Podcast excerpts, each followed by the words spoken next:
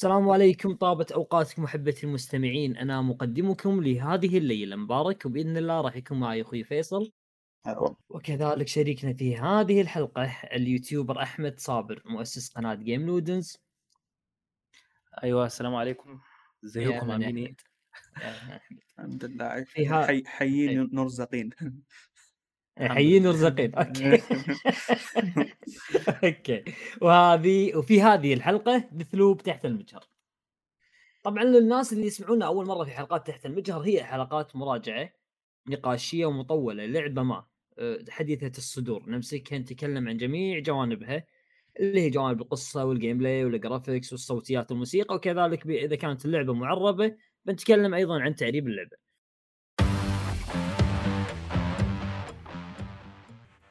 في هذه الحلقة طبعا راح يكون معاي أخوي فيصل وأخوي صابر كلاهما ختم اللعبة أه، أتوقع كلاكما كانت تجربتكم على ال PC صح؟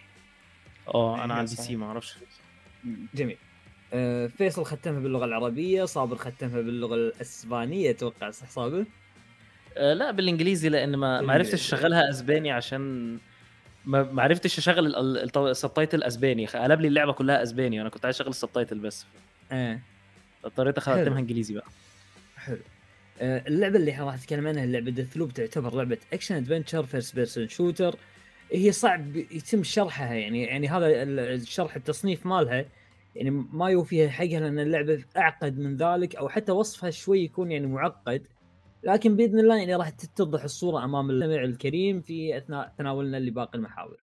راح نبدأ طبعا في أول محور معانا مع أخوي أحمد راح أبدأ معاك اللي هو محور القصة. أحمد كلمنا شوية عن قصة Deathloop. هو قصة Deathloop بتحصل يعني في فترة ما يعتبر آه، فترة مثلا نقول في الستينات في السبعينات حاجة في ال... في ال range ده كده. ال- المفروض يعني إنها بتحكي عن مجموعة آه، علماء آه، مجانين كانوا عايزين يوصلوا لأقرب حاجة للحياة الأبدية فاخترعوا زي جهاز أو انتنه كبيرة كده في الجزيرة اللي هم قاعدين فيها. الانتنه دي بتخلي إن اليوم بتاعهم يتعاد من الأول إن هم هيعيشوا يوم واحد بس واليوم ده هيتعاد من الأول.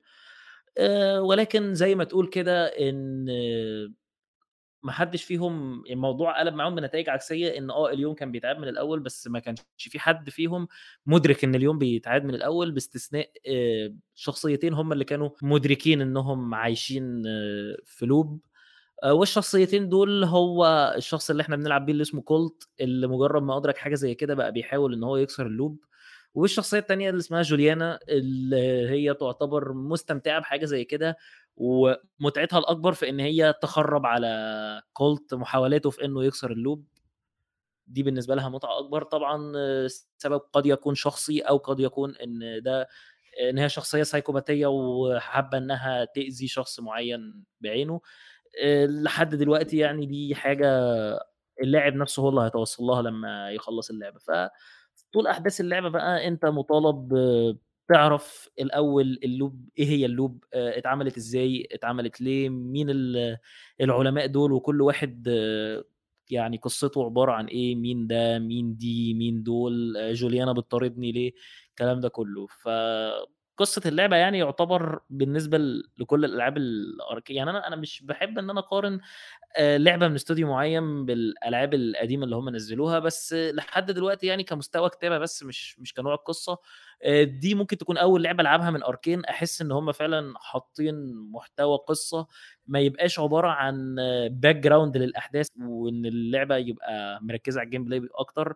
يعني مثلا Dishonored سلسلة Dishonored نزلوا الجزء الأول والثاني وبعدين أنا ما حسيتش إن فيها محتوى قصة غير لما نزلوا Death of the Outsider لما قرروا إن هم يحطوا فيها قصة. لكن الأجزاء الأساسية ما كنتش حاسس إن القصة قوي يعني. ما هي كانت حلوة وظريفة ومسلية لكن ما حسيتش بمستوى بقى التعمق والأفكار اللي محطوطه في لعبة زي Deathloop لأ Deathloop الموضوع كان كبير شوية بالنسبة للقصة مقارنة بباقي آه، ألعاب استوديو Arkane ف يعني ده كل اللي أنا قلته عن القصة لحد دلوقتي يعني ده الإطار العام بتاعها وده بقى اللي اللاعب المفروض إن هو هيستكشف في أسراره خلال اللعب. ولكن يعني لو رأيي الشخصي أنا في القصة إنها بصراحة كانت قصة جيدة جدا وممكن تكون من أفضل قصص الخيال العلمي اللي أنا تابعتها في أي عمل رغم إن فكرة اللوب هي فكرة مش جديدة ولكن فكرة اللوب لما تتحط في لعبة وتتنفذ صح فالموضوع ده كان م. بصراحة بالنسبة لي حاجة أنا كنت سعيد يعني بالتجربة بتاعتها وكنت سعيد بالوقت اللي أنا مريت بيه وأنا بلعبها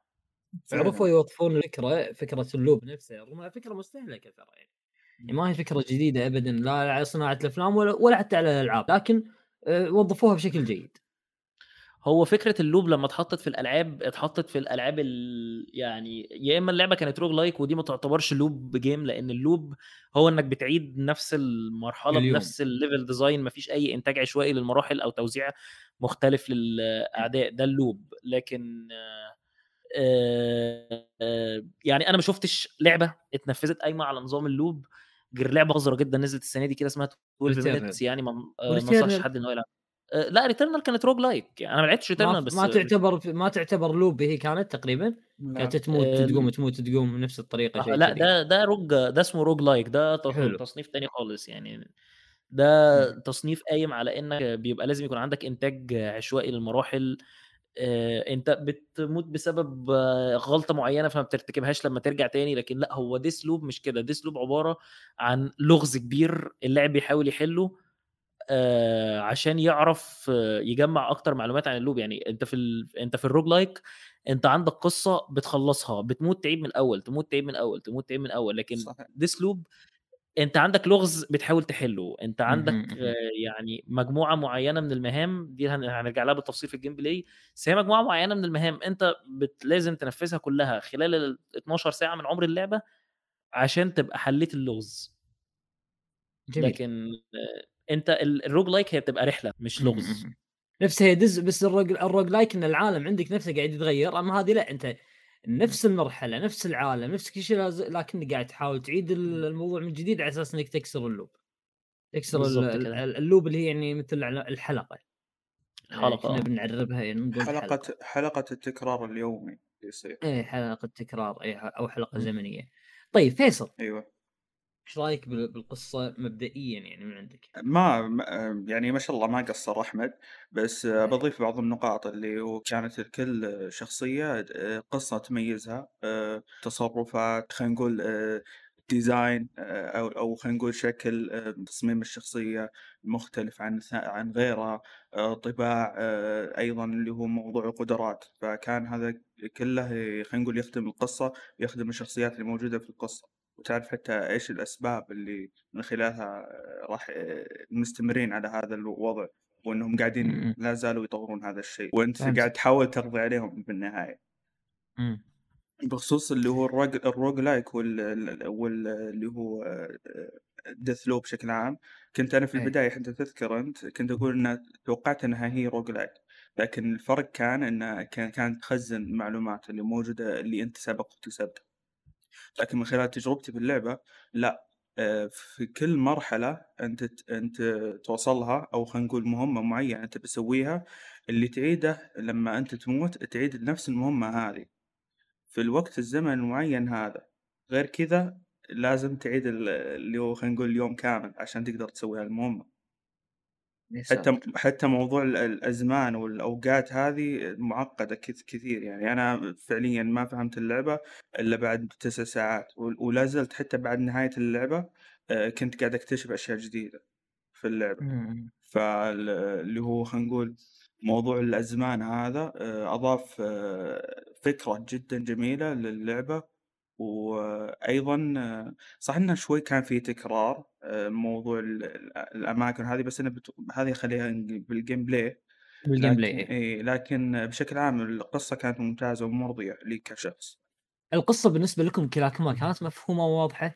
هو القصة يعني في تفصيلة كده معينة بت بتعرفنا عن وضع القصة و... وإيه نوعية العالم اللي هي بتحصل فيه وكده؟ يعني أنا مش عايز أحرق عليك عشان أنت لسه ما لعبتهاش يا مبارك.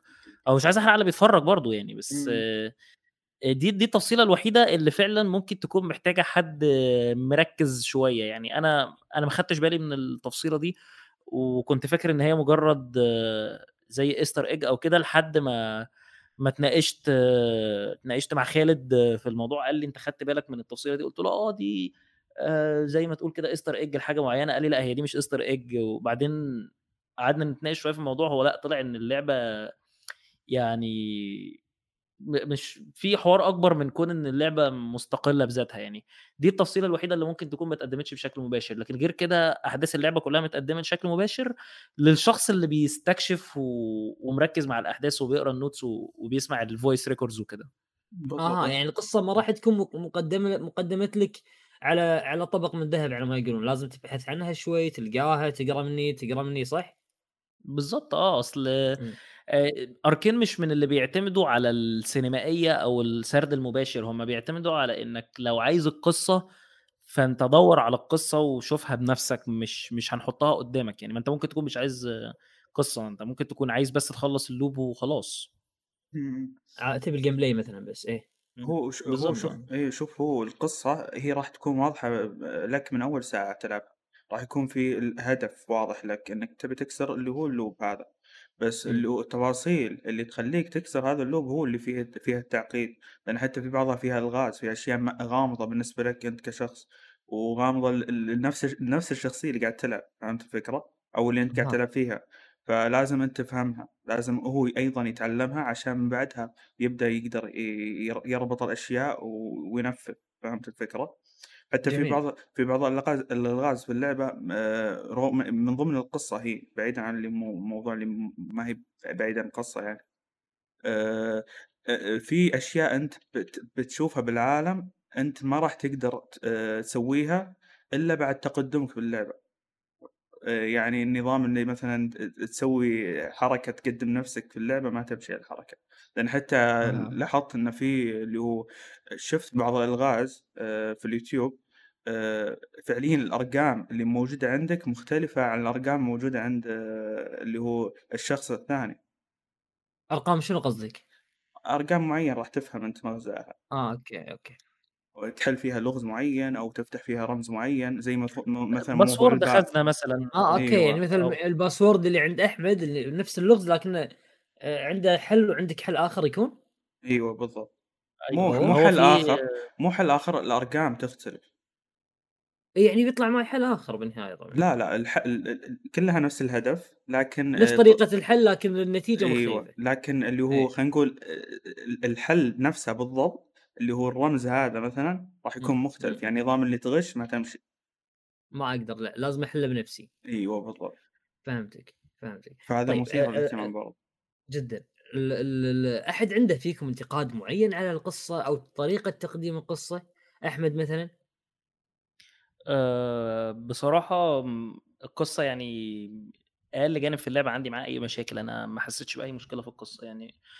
في والله سمعت آراء بتقول إن ممكن بعض نهايات اللعبة ما كانتش واضحة قوي أو ما كانتش متفسرة بس أنا أنا ما حسيتش بحاجة زي كده. أنا حسيت إن كل نهاية هي بتقفل اللعبة بشكل معين و... وأنت بقى على حسب يعني أنهي شكل أنت هتكون راضي عنه في في الأحداث وإيه النهاية اللي أنت هتكون مبسوط بيها بس وإيه هي النهاية اللي أنت هتعتبرها هي ال canon ending أو النهاية الأساسية بتاعت اللعبة؟ كل ده بيرجع لك كلاعب. دي دي التعليقات يعني اللي أنا شفتها لكن أنا شخصيا ما عنديش التعليق ده و... ومش حاسس إن في أي مشكلة مع القصة يعني. بالعكس أنا شايف إن القصة هي عملت اللي عليها وزيادة.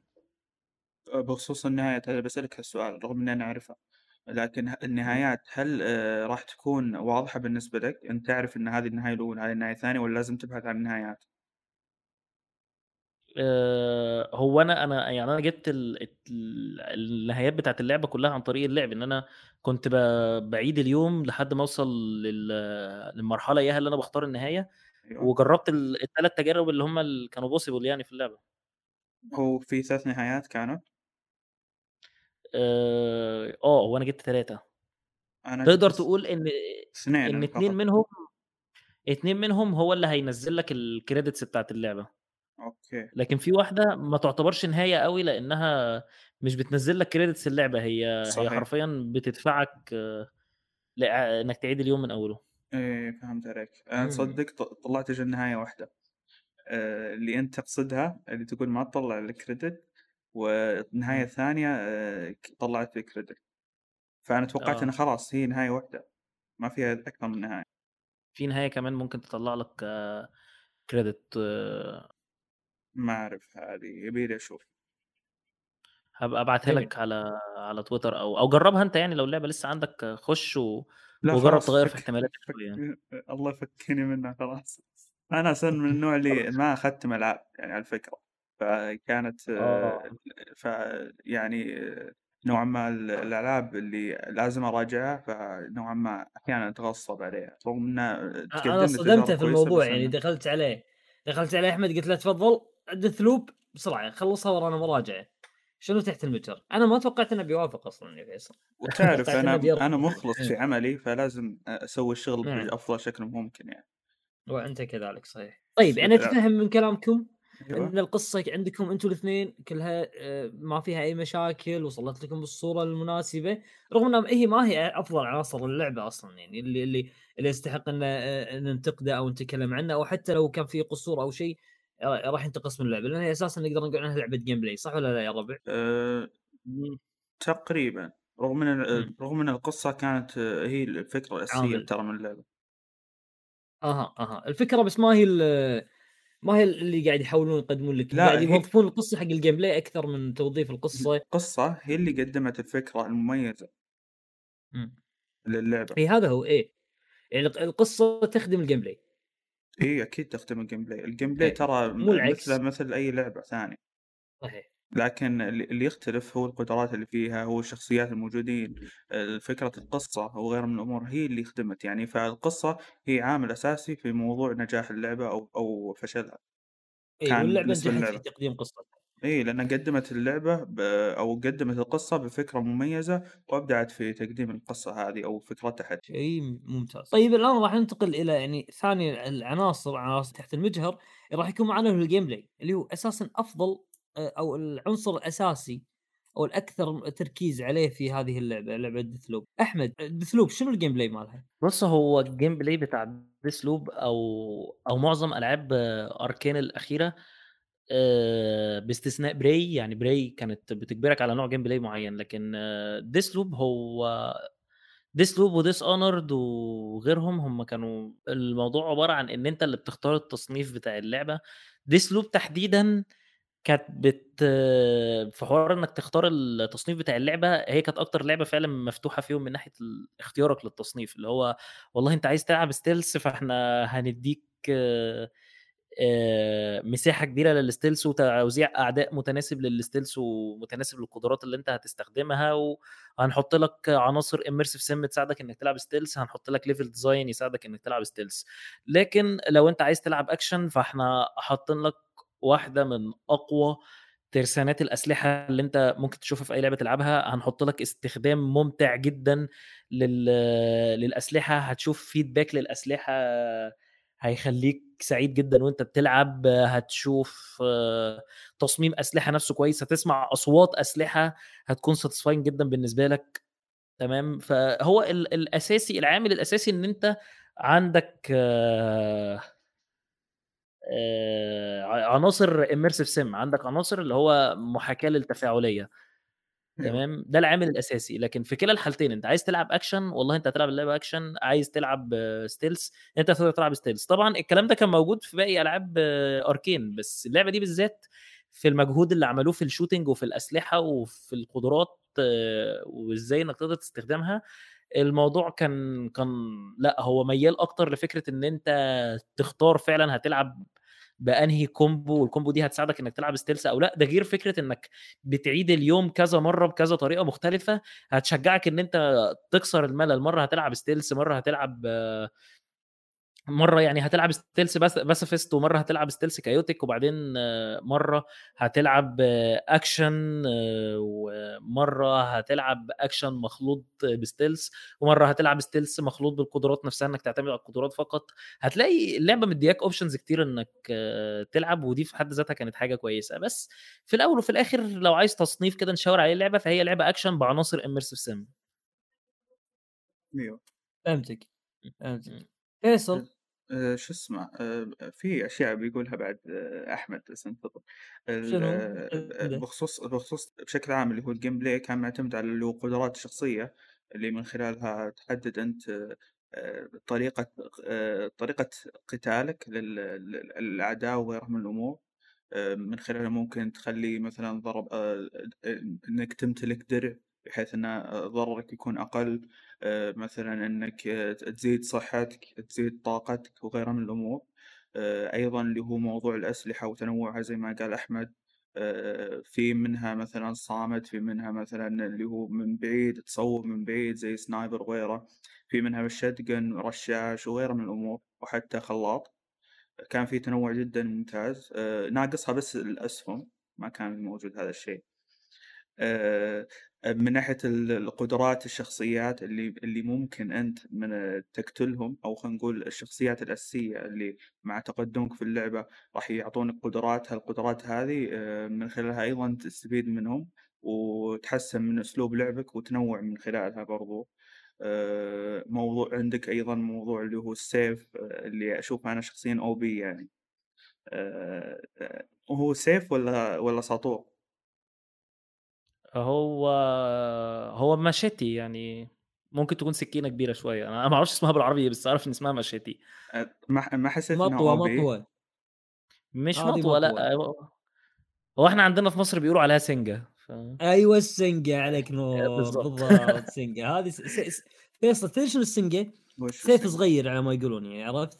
الخنجر بس يعني يعني إيه أكبر من الخنجر بشوي؟ أي... أيوه اكبر من آه. الخنجر بشوي اكبر من الخنجر بشوي okay ممتاز. إمم. أتوقع ساطور يعني تقدر والّا ساطور لا شوي الساطور شيء ثاني اي لا له آه. gameplay مختلف. نظام okay ال gameplay مختلف؟ السطر نعم يا okay. طيب ال آه... إيه انتظر. انتظر كمل إيه, إيه شوي عندك عندك. okay.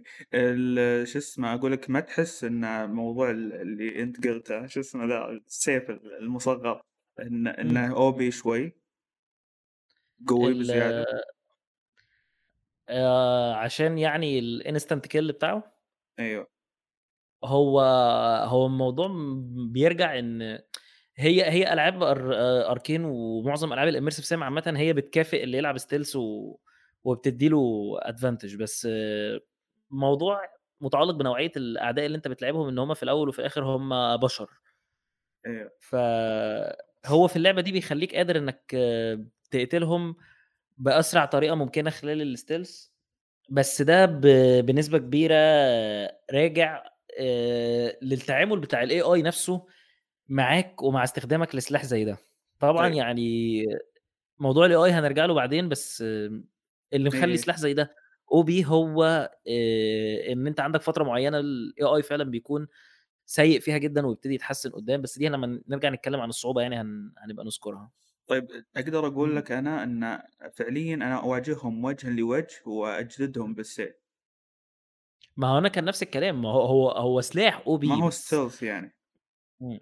خصوصًا لمّا السلاح لمّا تفعّل قدرة معينة بشخصيتك إمم. آآ أتوقع أنت تعرفها، لمّا إمم. تفعّلها تخلّي الوضع مسخرة، خصوصًا أنا بنهاية اللعبة، نهاية اللعبة فعليًا فعّلت هذه الق القدرة مع اللي هو خلينا نقول زدت الطاقة، زدت الصحة، فعليًا ال إمم. الوضع صار easy. من غير ما تزوّد ال الطاقة والصحة، أنت أصلًا القدرة اللي بتخلّيك تعمل على نفسك زي shield كده ومعاها القدرة إيه. زي الnexus أنت خلاص هتقدر شو بسهولة إيه تخلّص. تخيّل شوف أنا نهاية إمم. اللعبة مفعّل اللي هو الshield إمم. ومز زيّد الطاقة والصحة ومفعّل اللي هو إمم. هذا موضوع اللي هو إن ضربة اليد تكون سريعة. إمم. إمم. ففعليًا حتى حتى لمّا تيجي جوليا GG إمم. جوليا آه ضربتين بالضبط. آه. بُص هو الفكرة إن أنت برضه راعي إن اللعبة آآ ساعات هتخش معاك في حالة من ال من التكرار، وإنك هتحاول محاولات يعني هي هتحط أنت هتتعب على بال ما تتحط على المحاولة، بس اللعبة كانت بتحاول إنها تخلّيك ما تاخدش وقت طويل مع ال مع المحاولة دي، ففي level معين اللعبة عملت حاجة هي ممكن تكون عيب صغير بس قدرت إنها تعالج بيه عيب كبير جدًا. اللي هو؟ آآ والحاجة دي العيب ال الصغير اللي اتحط هو إن أنت في مرحلة معينة في اللعبة بعد طبعًا ما هتتعب فيها وهتوصل لها بنفسك، أنت هتكون OP. صح. يعني أنت هتكون super hero بالنسبة للعبة. إمم. و د اللي يخلّيني أقول إن ده عيب صغير، إن العيب الكبير اللي حميتك منه إن أنت كنت ممكن تخش في حالة في حالة من الملل مع اللعبة لو انت ما كنتش OP خصوصا في المراحل الأخيرة يعني لما انت تخش مثلا على مرحلة الشخصيه اللي هي اللي اسمها هارت اللي هي كانت بتكلمك من كابين الطياره دي إيه. انت خلاص انت حفظت المرحلة دي هتمشي إزاي وانت عارف ان مفيش أي حاجة زيادة. تجربها وان هو طريقة واحدة بس اللي انت هتخلص بيها المرحلة دي وشكرا و...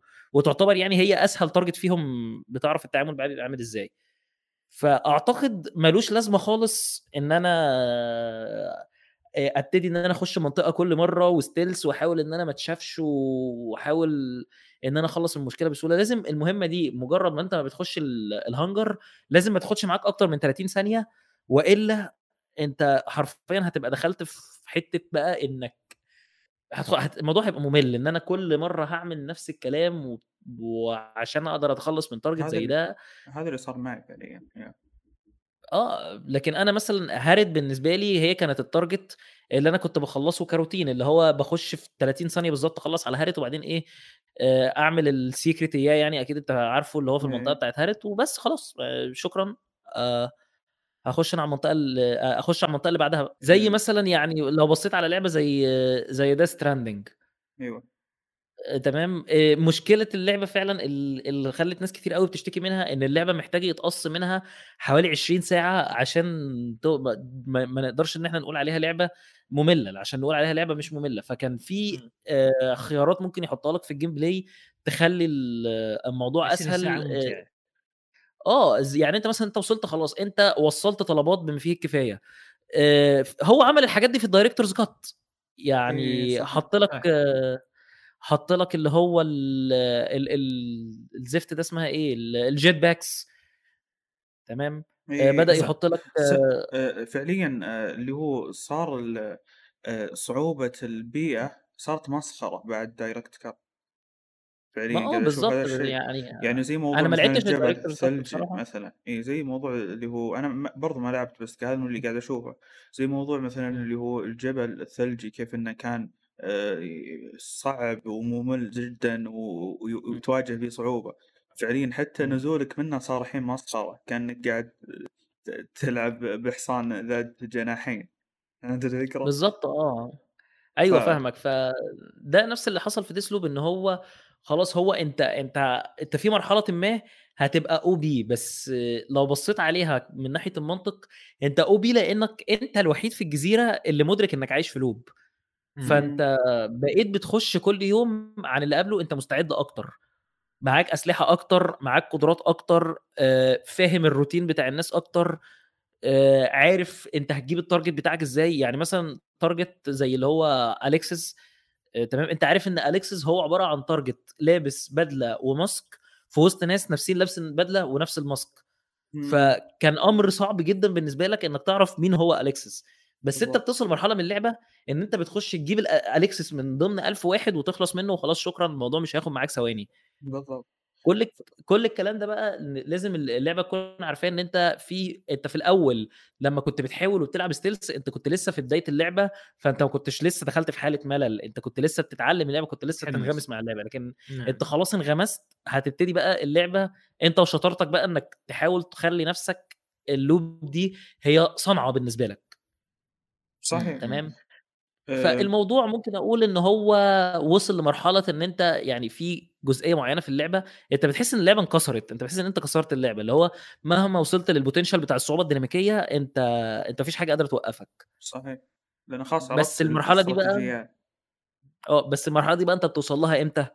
بتوصل لها وأنت ناقص لك خطوة أو خطوتين وتخلص اللعبة. بالضبط. هذا غير إن أنا الحين بقول لك شيء يعني أنا قبل قبل يومين وكنت أقول اللعبة ترفع الضغط طيب؟ بعدين بديت أرجع اللي هو القدرات اللي أنا مستعملها وغيرها من الأمور اكتشفت إني أنا جايب العيد آه. فعليا في بعض المهام وبعض ال بعض ال اللي هو خلينا نقول أيضا الشخصيات لازم أنت تستعمل قدرات معينة عشان تواجههم فيها. ما ينفع إنك تستمر على على نفس القدرات طول اللعبة حتى لو كانت قوية. لأن كل مهمة م. وكل وضع لأن حتى في بعض المهام أنت مجبر على موضوع التخفي. في مثلا موضوع اللي هو في بعض المهام أنت مجبر على موضوع الدرعمه ففعليا حتى مع اللي هو توفر الخيارات إلا إنك تجد صعوبة. آه، يعني في أش... في مهام مثلا لو لو أنت شافوك أحد الأعداء فعليا تعيد اللوب من جديد ويلا عيد اللوب من جديد. فالسالفة فيها تعقيد أه ونفس الوقت على حسب ذكائك ومعرفتك أو خبرتك في في اللعبة أه وحتى قراءتك للي خلينا نقول لللوب نفسه والمهمة نفسها إيش تتطلب وإيش تحتاج وأنت من خلالها تحط القدرات اللي تناسبك وتدعس في اللعبة. هذا غير إن هذا غير إن الأسلحة الأسطورية هذه ترى جدا جدا مهمة إنك تطلعها حتى لو آه، مو مهتم موضوع المهارات. أنا أنا جاي بجي بجي حق موضوع الأسلحة فيصل الحين الحين بكلمكم أبيكم تتكلمون معي عن موضوع الأسلحة بالضبط بما انها جزء كبير من ال gameplay باللعبة بس ما أتوقع إن أحد فيكم جربها على ال PS 5 صح؟ وجرب لا. نظام إن اليد تعلق معاك أو شيء كذي صح؟ شوف أنا رغم إني لعبتها على يد البلاي ستيشن 5 بس, بس ما, ما, ما كانت متوفرة متوفرة الهزه الهزهزة العادية والأشياء هذه بس اللي هو م. موضوع الطلقات والكذا ما مع الأسف ما كانت متواجدة والأسلحة شلونها يعني. كانت فيصل معك؟ زي ما قلت لك وكان فيها موضوع التحول هذا أكثر شيء كان مميز في, في الأسلحة خصوصا الأسلحة الأسطورية آه، أما الأسلحة الثانية الثانوية اللي خلينا نقول بنفس نظام فورتنايت نظام أول شيء العادي بعده اللي يجي مثلا ال silver مثلا بعدين مثلا الفضي بعدين ال gold وكذا زي كذا فاهم الأسطوري بعدها ال epic كذا وال legendary فهمت الفكرة؟ فاللي هي تجي على الالوان وكل واحدة منها أقوى من الثانية وعندها خصائص معينة. في بعضها حتى يكون نفس السلاح طيب؟ بس واحد مثلا يكون كاتم والثاني لا يكون مثلا يطلق مثلا أسرع فهمت الفكرة؟ وشلون كنت تجمعهم الأسلحة فيصل؟ الأسلحة تتجمع من خلال اللي هو سواء بالماب تقصد الأسلحة الأسطورية ولا الأسلحة العادية؟ عموما الأسلحة شلون كنت تقدر تأخذها يعني؟, يعني كنت تلقاها بالماب طايحة يعني؟ تمام الحين بفصل لك الموضوع أي. الأسلحة العادية من خلال اللي هو الأعداء اللي تواجههم يوميا في الأوقات في يعني لوت عشوائي منهم ولا إيه إجباري يسقط من نش... لا لا لوت عشوائي منهم يسقط منهم اللي هو قدرات شخصية أو إضافات على الأسلحة يسقط منهم الأسلحة. حلو. تمام؟ يعني ممكن الأسلحة اللي تسقط لك غير الأسلحة اللي عندي أصلا. لا لا ما ما في ما هي متنوعة كثير ترى. آه أوكي. إيه يعني فيها تنوع بس بالتنوع اللي اللي يضيف لك اللعبة بس مو بالتنوع اللي ما في ما راح تشوف غيرها مثلا. يعني إيه. اللي أنت عندك ما راح تشوفها مثلا عندي وغيرها من الأمور هذه لا. تنوع مناسب لحجم اللعبة بمعنى أصح. أيوه بالضبط أيوه. أه بخصوص اللي هو الأسلحة الأسطورية هذه الحين أنا بقول لك سالفتها أنت هدفك في ال في ال الأساسي من اللعبة اللي هو موضوع كسر الحلقة صح ولا مو صح؟ صح. لكن بنفس الوقت أنت عندك هدف ثاني في اللعبة رغم إنه ما هو مهم يعتبر فرعي. تقدر تقول زي المهام الجانبية من خلالها اللي هو آه، فيها زي خلينا نقول شجرة المهام. بس شجرة المهام هذه ما تكتسبها من خلال تقدمك في اللعبة وانتهينا لا. من خلال تنفيذ بعض المهام بأوقات معينة آه، وأيضا تكون بعضها خصوصا الأسلحة الأسطورية آه، مختلفة عن باقي المهام الثانية واللي هو من خلالها تتقدم وتطلع هذه الأشياء. طبعا اللي هو المهام العادية أو خلينا نقول المهام لأنه أيضا المهام هذه تنقسم لقسمين قسم اللي هو الأسلحة الأسطورية وقسم للمهام أو المهارات الشخصيات الرئيسية. لأن الشخصيات الرئيسية عندهم أكثر من من ميزة لمهام للمهارات الأساسية حقتهم. فكرة فكرة اللي هو آه. الشخصيات ومهاراتهم والأسلحة الأسطورية. آه، هو هو السكيم نفسه اللي متوزّع بيه الأسلحة آه إن كل سلاح ليه مستوى صعوبة معيّن من الحصول عليه. في الأسلحة العادية، دي هتاخدها من الأعداء اللي بتقابلهم في الشارع عادي. آه في الأسلحة اللي هي ممكن تكون الأعلى مكانة شوية من الأسلحة العادية، دي هتلاقيهم زي Easter egg في الخريطة كده، اللي هو أنت ماشي في مكان معيّن هتلاقيه واقع في حتة معينة أو ممكن جندي معين من الجنود أو من الأعداء تلاقي معاه واحد. في الأسلحة اللي ممكن تكون elite شوية دي بتاخدها من ال targets اللي أنت بتموتهم. وفي بقى الأسلحة ال legendary دي بتعمل لها ألغاز بتكون صعبة شوية ومهام فرعية يعني مميزة يعني بعد مميزة جدا آه. هي مميزة. عارف فاكر أنت يعني يا مبارك الفكرة اللي فيصل اتكلم عنها في الأول إن إن ال passwords بتاعت الخزان والأبواب بتتغير من من لاعب للتاني. آه، أيوة. في بقى نوعية مها- مهام هو ال passwords دي مش بتتغير من لاعب للتاني هي بتتغير من loop للتانية. يعني أنت نمت صحيت ال password بيتغير. أها يعني حتى ما ينفع تكمل على حلك اللي امس آه يعني أنت مثلا خلال خلال ال loop الواحدة قبل ما تتعاد أنت وصلت ال password لو ما استخدمتش ال password ده آه، لازم تجيبه من الأول عشان هيكون اتغير. ده في بعض المهام. الجانبية آه، لكن برضو على على ذكر يعني سيرة ال- ال passwords اللي بتغير من save للتاني هي دي بص حاجة مش أول مرة نشوفها هو الموضوع ده كان بيحصل في لعبة زي Silent Hill 2 آه، ب- بسبب الناس اللي كانت آه، بتحاول إنها تجيب guides وتعرف ال passwords وكده. خصوصا إن Silent Hill 2 لعبة نزلت قبل ما يخترعوا الإنترنت تقريبا أو قبل ما يخترعوا ال social media يعني ال- إيه إيه. ومواقع زي Reddit وكده. فهم كانوا عايزين يخلوا التجربة على اللاعب إن هو يوصل لكل حاجة بنفسه من تصرفه هو. فخلوا إن ال passwords بتختلف آه، من من كل شخص للتاني. والألغاز عامة بتختلف آه، من كل شخص للتاني. بس كان يعني على وجه الخصوص الالغاز اللي فيها أرقام. Deathloop طبعا يعني عملت إعادة إحياء للفكرة إن ال passwords تختلف من save من save file لتاني ومن شخص للتاني. ال password اللي هيظهر لي غير اللي هيظهر لك غير اللي هيظهر لفيصل. آه، دي برضو كانت آه، فكرة ممتازة وكانت من الأفكار اللي قادرة إنها تحمي اللاعب من نفسه يعني. صح آه، هي هي أنا توني توني قاعد تسولف عن الموضوع هذا قاعد أفكر يقول لو فرضيا أنت ب... ب...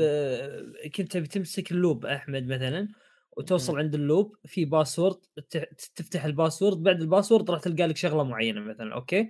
بس إنك. أنت عشان تحصل على ال password مثلا فرضيا كنت تحتاج إنك تقوم في مهام معينة أو تسوي شيء معين لو. ال password نفسه ما كان راح يتغير كنت بكل. بساطة تقدر تقول لي مبارك اختصر على نفسك لا تروح تسوي تدور ال password الرقم واحد اثنين ثلاث روح حق الخزنة مم. مثلا أو الباب نفسه وافتحه على طول وادخل يعني كان كده. النقطة هذه يعني كانت أساسية حق اللعبة يعني ما, ما هي يعني تحسها شيء إبداعي من عندهم أو شيء يعني إضافي إيه. additional لا هي. شيء أساسي حرفيا إيه بالضبط لأن أيوة، ترى- هو- إيه كمل كمل آه، آه، هو آه، أكبر مهام ال game designer في نظري أو أو مصمم اللعبة آه، هو فكرة إنك تحمي اللاعب من نفسه إيه إيه اللي يمنع حد زيي أو حد زي فيصل أو حد زيك إنه يكتب مثلا على جوجل آه، تمام every legendary آه، weapon in آه، in in this loop and how to get it هيخش يمنعني هيلاقي الضمير يمنعني الضمير آه. أنا انت تدري ما راح نسويها أمال.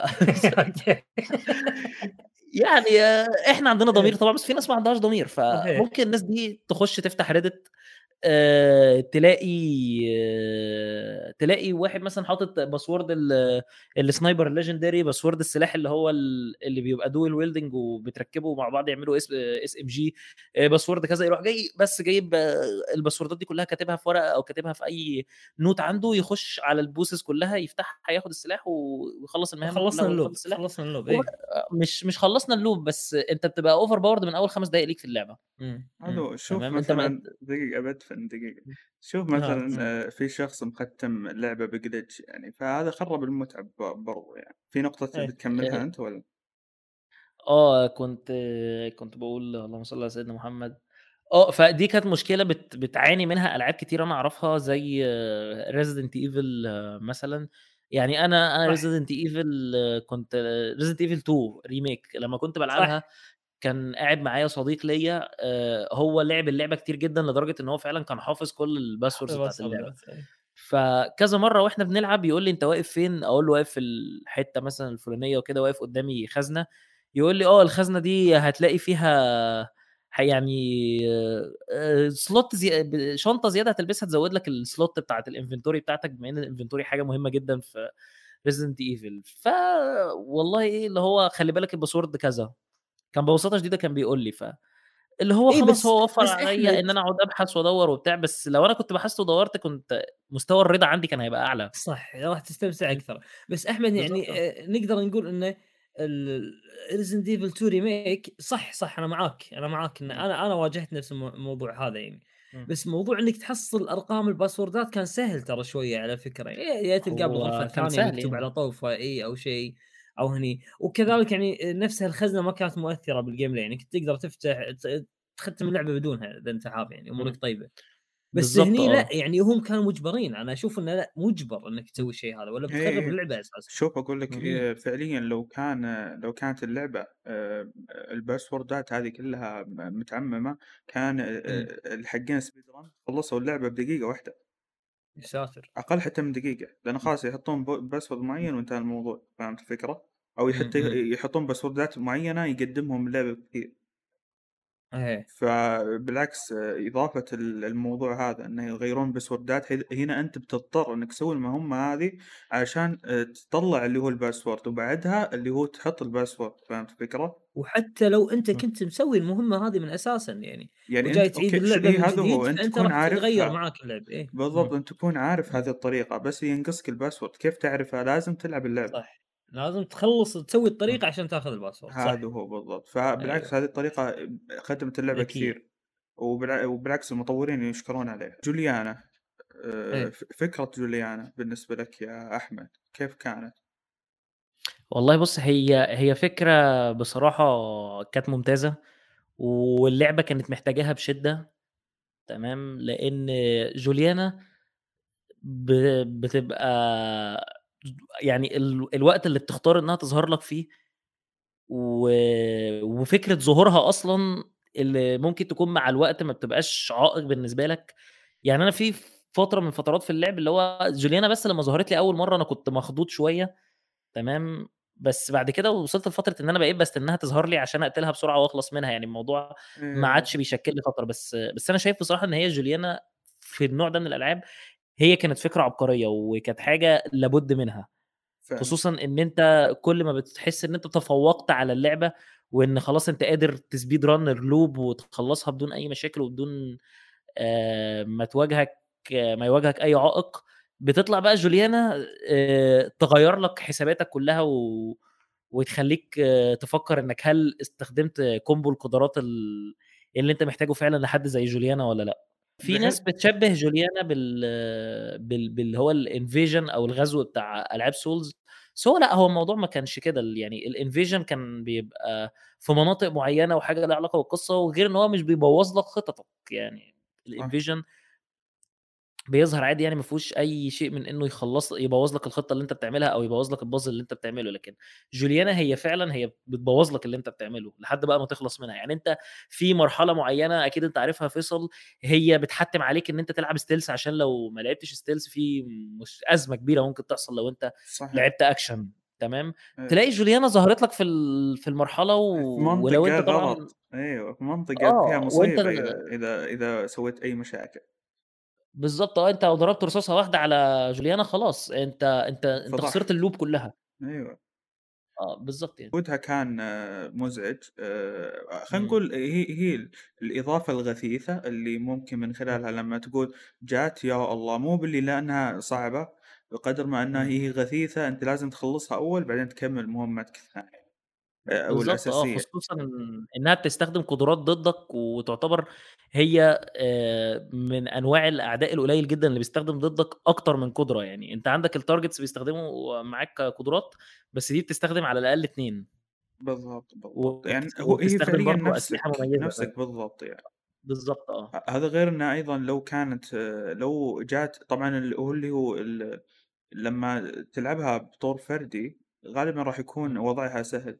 لكن لما تلعبها بطور أونلاين آه، مع. اللي هو ناس حقين آه، آه، ألعاب شوتر فعليا GG أهل Call of Duty نعم أيوه اي جي. جي فعليا جي جي يعني أنا مرة اللي هو فعلت اللي هو موضوع الإنترنت قلت أبي أشوف كيف مستوى اللاعبين بما إني صرت أنا فترة جوليانا وشفت إن الناس noobs يعني فقلت okay. أنا الحين بصير نهاية طيب أفعل انجلدت يا رجل جلد جلد فهمت؟ كالعادة كالعاده لا لأن النظام أنا قاعد ألعب بال... بال control وهم قاعدين يلعبون keyboard mouse فهمت الفكرة؟ إيه. رغم إنه به- ما هو ما هو يعني آه، خلينا نقول سبب عائق مقنع لكن بالنهاية هم نظام ال aim حقهم يا أخي مخيف فهمت إيه الفكرة؟ يشوفون يشوفونك frame frame هذيل فيصل عرفت؟ إيه. ما يشوفونك صورة كاملة يشوفونك فريمات كذي.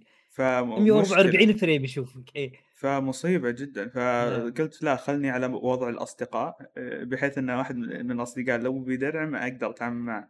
لكن اي بشكل الشباب الشباب ربعنا زقرت عرفت؟ خفايف يعني مو صعبين نفس ال- المجنن الموجودين هناك. إيه بالضبط. فقلت والله خلينا نسحب سحب انسحاب تكتيكي بس بشكل عام حتى اللي هو آه لأن أنت حتى بال- باللعبة حيكون عندك خيارين. ان تلعب بشخصية جوليانا اللي هي اللي تدافع عن عن موضوع كسر ال- اللي هو الحلقة هذه أو إنك تلعب بالشخصيه الاساسيه واللي هي طور القصة الأساسي اللي هي اللي هو هذا شو اسمه؟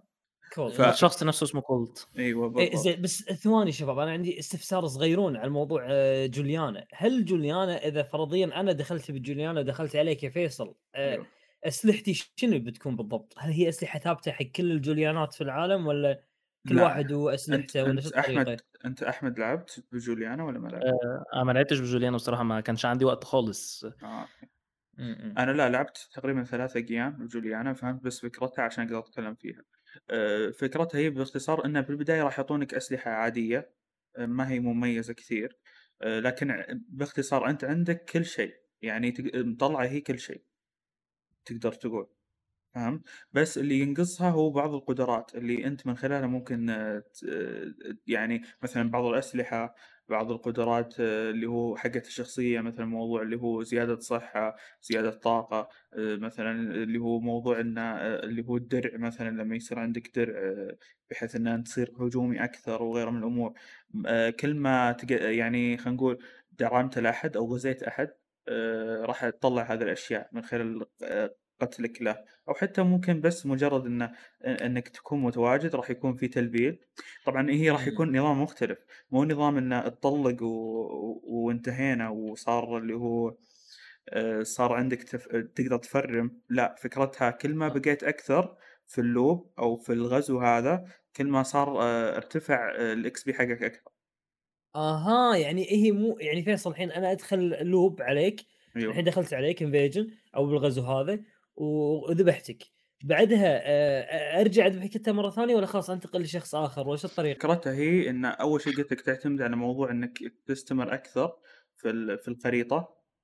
آه،. أيضا اللي هو موضوع إنك أيضا تذبح بس إذا ذبحت تذبح مرة واحدة بعدين تطلع من ال loop. هذا اللي أنا آه okay. أطلع من ال loop نفسه وأروح حق loop شخص آخر يعني. إيوه.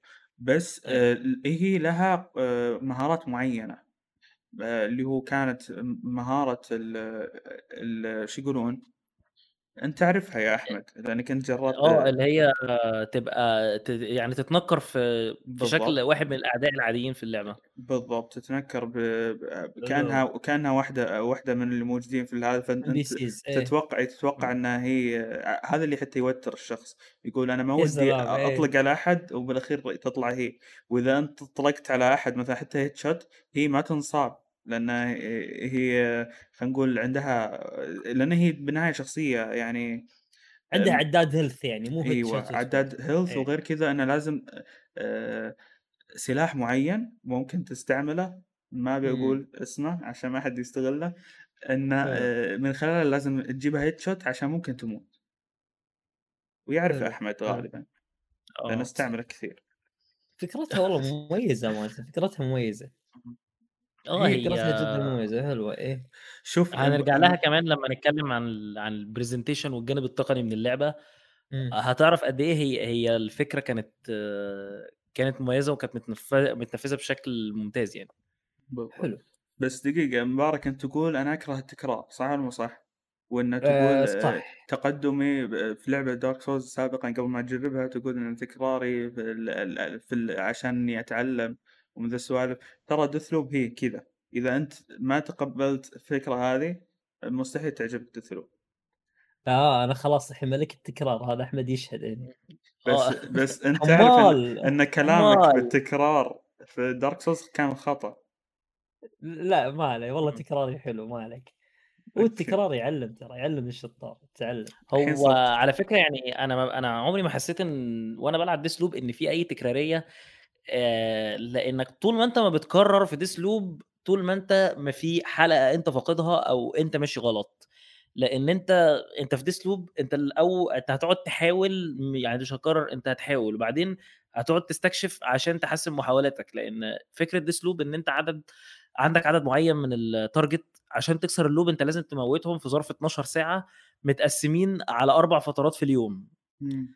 فترة الصبح والظهر والمغرب والليل يعني دول أنت عندك أربع فترات بتحاول إنك تقتل فيهم الثمانيه target مم. فالفكرة بقى أنت عشان تقتل الثمانيه target في الأربع فترات دول أنت عندك target ما يعني أنت عندك window لكل target ال window كل target ليه window بتتفتح في فترة معينة. يعني في target واحد هتضطر إنك تقتله الصبح و target واحد هتضطر إنك تقتله الظهر و target واحد بالليل و target واحد آه، آخر النهار فالفكرة بقى إن أنت لو مشيت على ال scheme ده أنت هتبقى قتلت أربعة بس طب ما أنت في أربعة كمان لازم تقتلهم وينهم؟ تمام. فأنت أنت بتمشي في اللعبة بقى عبارة عن إن أنت بتقعد تكتشف في أسرار وتجرب في محاولات تخليك إنك تحاول توزع الثمانيه دول على اليوم بتاعك مناسبة. آه آه. أوكي أوكي شوف تمام. أنا شوف أنا مشكلتي لأن لأني بد... أنا بديت اللعبة وأنا مو عارف شيء نهائيا عن اللعبة فهمت؟ فكان آه، اللي هو الفكرة آه، هذه كان صعب علي إني أفهمها بسهولة مم. هي فكرة مميزة لكن فعليا آه، اللي هو آه، فهمتها بشكل متأخر فهمت علي؟ يعني آه، اللي هو أذكر تميت تقريبا يمكن تسع ساعات في اللعبة قاعد أسوي مهام وأنا ما أعرف إيش قاعد أسوي أساسا طلعت مرة بالضبط. أروح أروح المهام الف- الفرعية مرة أروح الر- الأساسية مرة ما أدري- ما أدري إيش حتى بعدين اكتشفت اللي هو فكرة الموضوع ال- الأوقات إنه ترى في مم. مهام ما تقدر تسويها إلا في الوقت المعين هذا مم. فضاع أيوة، وقت أيوة. كثير فعشان كذا صار موضوع التكرار كراهة اللعبة آه، لأني لأني مم. قتلت اللي هو الشخصيات في البداية أنا قتلتهم كلهم فاهم قلت يلا المفروض. إني خلصت اللعبة لا حبيبي مو بهال مم. مو بهالبساطة نظام تقتل شخصيات عشان تنهي اللعبة مو هذه هذه مو بالنهاية اللي هم يبونها فهمت الفكرة؟ أيوة. لازم في مهام هي اللي آه. توصلك لهالشيء أنا كنت أقول خلاص أنا عرفت الهدف بروح أطبقه بطريقتي لكن لا الوضع فيه مهام في أشياء هي اللي توصلك موضوع للنتيجة اللي تخليك توصل للنهاية والنهاية هذه مو شرط إنك تقتلهم أنت كلهم. الله أعلم باللي يصير. هو أنا مشكلتي أصلا مع اللعبة في الجزئية دي تحديدا إن أنا آه، هي هي اللعبة خطية عامة. يعني إيه. أنت أنت بت بت بت بتقرأ الروتين بتاعهم وبحيث إنك تحاول إنك تعرف إزاي توفقهم مع بعض في نفس الفترة الزمنية من اليوم عشان تقدر إنك تخلص منهم. الموضوع يعني هو هو ما كان ما كانش خطي بنسبة 100% لأن زي ما قلت لك أنت عندك عناصر تفاعلية كتير وعندك عناصر immersive sim وعندك يعني كلمات سر بتختلف من لاعب للتاني وبتختلف من save file للتاني. وده كل ده كان شيء كويس. وعندك برضو طرق متعددة إنك تخلص بيها من ال targets بتوعك في اللعبة. الموضوع كان أشبه شوية بألعاب هيتمان بس ما كانش واسع قوي بقدر اللي. قدمته ألعاب زي هيتمان بس المشكلة الأكبر بالنسبة لي في الموضوع إن اللعبة ما ادتكش مساحة للارتجالية في توزيعهم مع بعض. أنت لما بتوزعهم على مدار اليوم بأسلوبك أنت عندك خط واحد بس هتمشي عليه يعني نفس الخط ده نفس الخط اللي فيصل مشي عليه نفس الخط اللي أنت هتمشي عليه هو ملوش تغيير. هو ملهاش حل غير إن فلان هيبقى مش عارف الصبح وفلان وفلانة هيبقوا مش عارف إمتى وفلان وفلان وفلان هيبقوا إمتى. تمام؟ تشكيلة عاملة زي تشكيلة ماتشات الكورة مثلا زي اللي هو 4 4 2 أو حاجة زي كده. ف دي آه، كانت مشكلتي الوحيدة في النظام ده إن هو كان كان في آه، مش عايز أوصل الموضوع إني أوصفه بكونه فرصة ضايعة لأن دي دي مش فرصة ضايعة دي رؤية المطور إن هو هيديك قصة fixed وقصة خطية. بس كان والله في مكان إن هو يحط لك على الأقل ثلاث احتماليات أو أو ثلاثة formulas يعني ثلاث خطط خيارات. انت تستخدمهم. آه عشان تجمع الأربعة مع بعض في يوم واحد آه، بدل ما كل الناس حرفيا هم ما لهمش غير طريقة واحدة بس يجمعوا بيها ال- الأربعة في آه، في يوم واحد آه، بس لو بصيت للموضوع على على مستوى ال- القصة والتقديم بتاع القصة نفسه وفكرة الروتين اليومي بتاعهم وفكرة إنهم زي ما قلت لك مش مدركين أصلا إن هم ف loop مفيش حد مدرك إن إن هو ف loop غير إنت وجوليانا فهتلاقي إن الموضوع والله منط- منطقي إن هم يخلوها بالشكل ده. بس أنا كنت أتمنى لو لو كان في آه، تعدد شوية في, ال... في ال... مش في الاختيارات في الفورمولا نفسها. دي حاجة أنا كنت أتمناها يعني. آخر نقطة كنت بقولها بعد اللي هو ما تنتقل للمحور اللي بعده كان اللي هو فكرة الأوقات. أحيانا حتى اللي هو شخصية معينة أنت ت...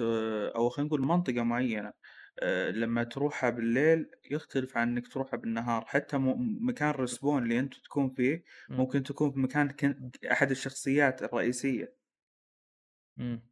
ففعليا حتى آه، الأوقات اي حتى آه، الأوقات بس دقيقة وين منت هذا شغلة أنت فتحت عيوني عليها فيصل. الحين لما اللوب ينعاد أيوه. مثلا هل أرجع بنفس مكاني؟ حسب الوقت حسب آه الوقت. آه ممكن أرجع في مكان مختلف. إي حسب الوقت. إذا كان الوقت معناته إن إن إن لو أنا حافظ لي طريق معين على أساس إني أخلص المهمة بسرعة لا حبيبي أنت طريقك هذا لازم تكيف الحين على مكانك الحالي صح؟ تقريبا. هو هو تقريبا راح ينقلك مكانين. راح يكون في اختلاف بين مكانين يعني إمم. مكان مكان مكان رئيسي والمكان حق ال boss آه، أو خلينا نقول الشخصية الرئيسية. ال target يعني. إيوه ال target اللي هو. الشخصية اللي اللي المفروض إنك تقتلها. فراح يكون في تبديل في المناطق هذه. فقط. بس إنه برضو التبديل هذا حسب اللي هو الوقت. اليوم. وحتى وحتى الأعداء يختلف المكان أعداء الفرعيين حسب الوقت إمم. برضو. حتى حتى حتى في بعض اللي هو مثلا بعض المسجات انه في أنت راح تقرأ ترى برضو. في بعض المسجات اللي تختم اللعبه تحتاج إنك تقرأ فيصل. إي بعض الألعاب اللي قصدي بعض الأوراق اللي مثلا ممكن تنحط وغيرها فعليا تنحط في أوقات معينة. قبلها ما راح تلقى. فهذا أقول لك هذا اللي يخليني خلاني شوي آه اللي آخذ فترة طويلة شوي علشان أفهمها لأن هي كان. فكرة يعني شوي صعب إنك تفهمها. إيه. وغير كذا إن أصلا القصة كانت فيها شوي عمق من ناحية اللي هو كيف طريقة التنفيذ آه، إمم. وفهم الفكرة فهذا اللي كان برضو يميزها ونفس الوقت اللي ممكن تشوفه عيب في حال ما فهمتها رغم إنها ميزة ما هو عيب. فهمتك. موضوع الصعوبة الديناميكية هو كان يعني أنت عارف إن أنا بحب بحبها وبفضلها عن مستويات الصعوبة السهلة بتاعت easy normal hard والكلام ده.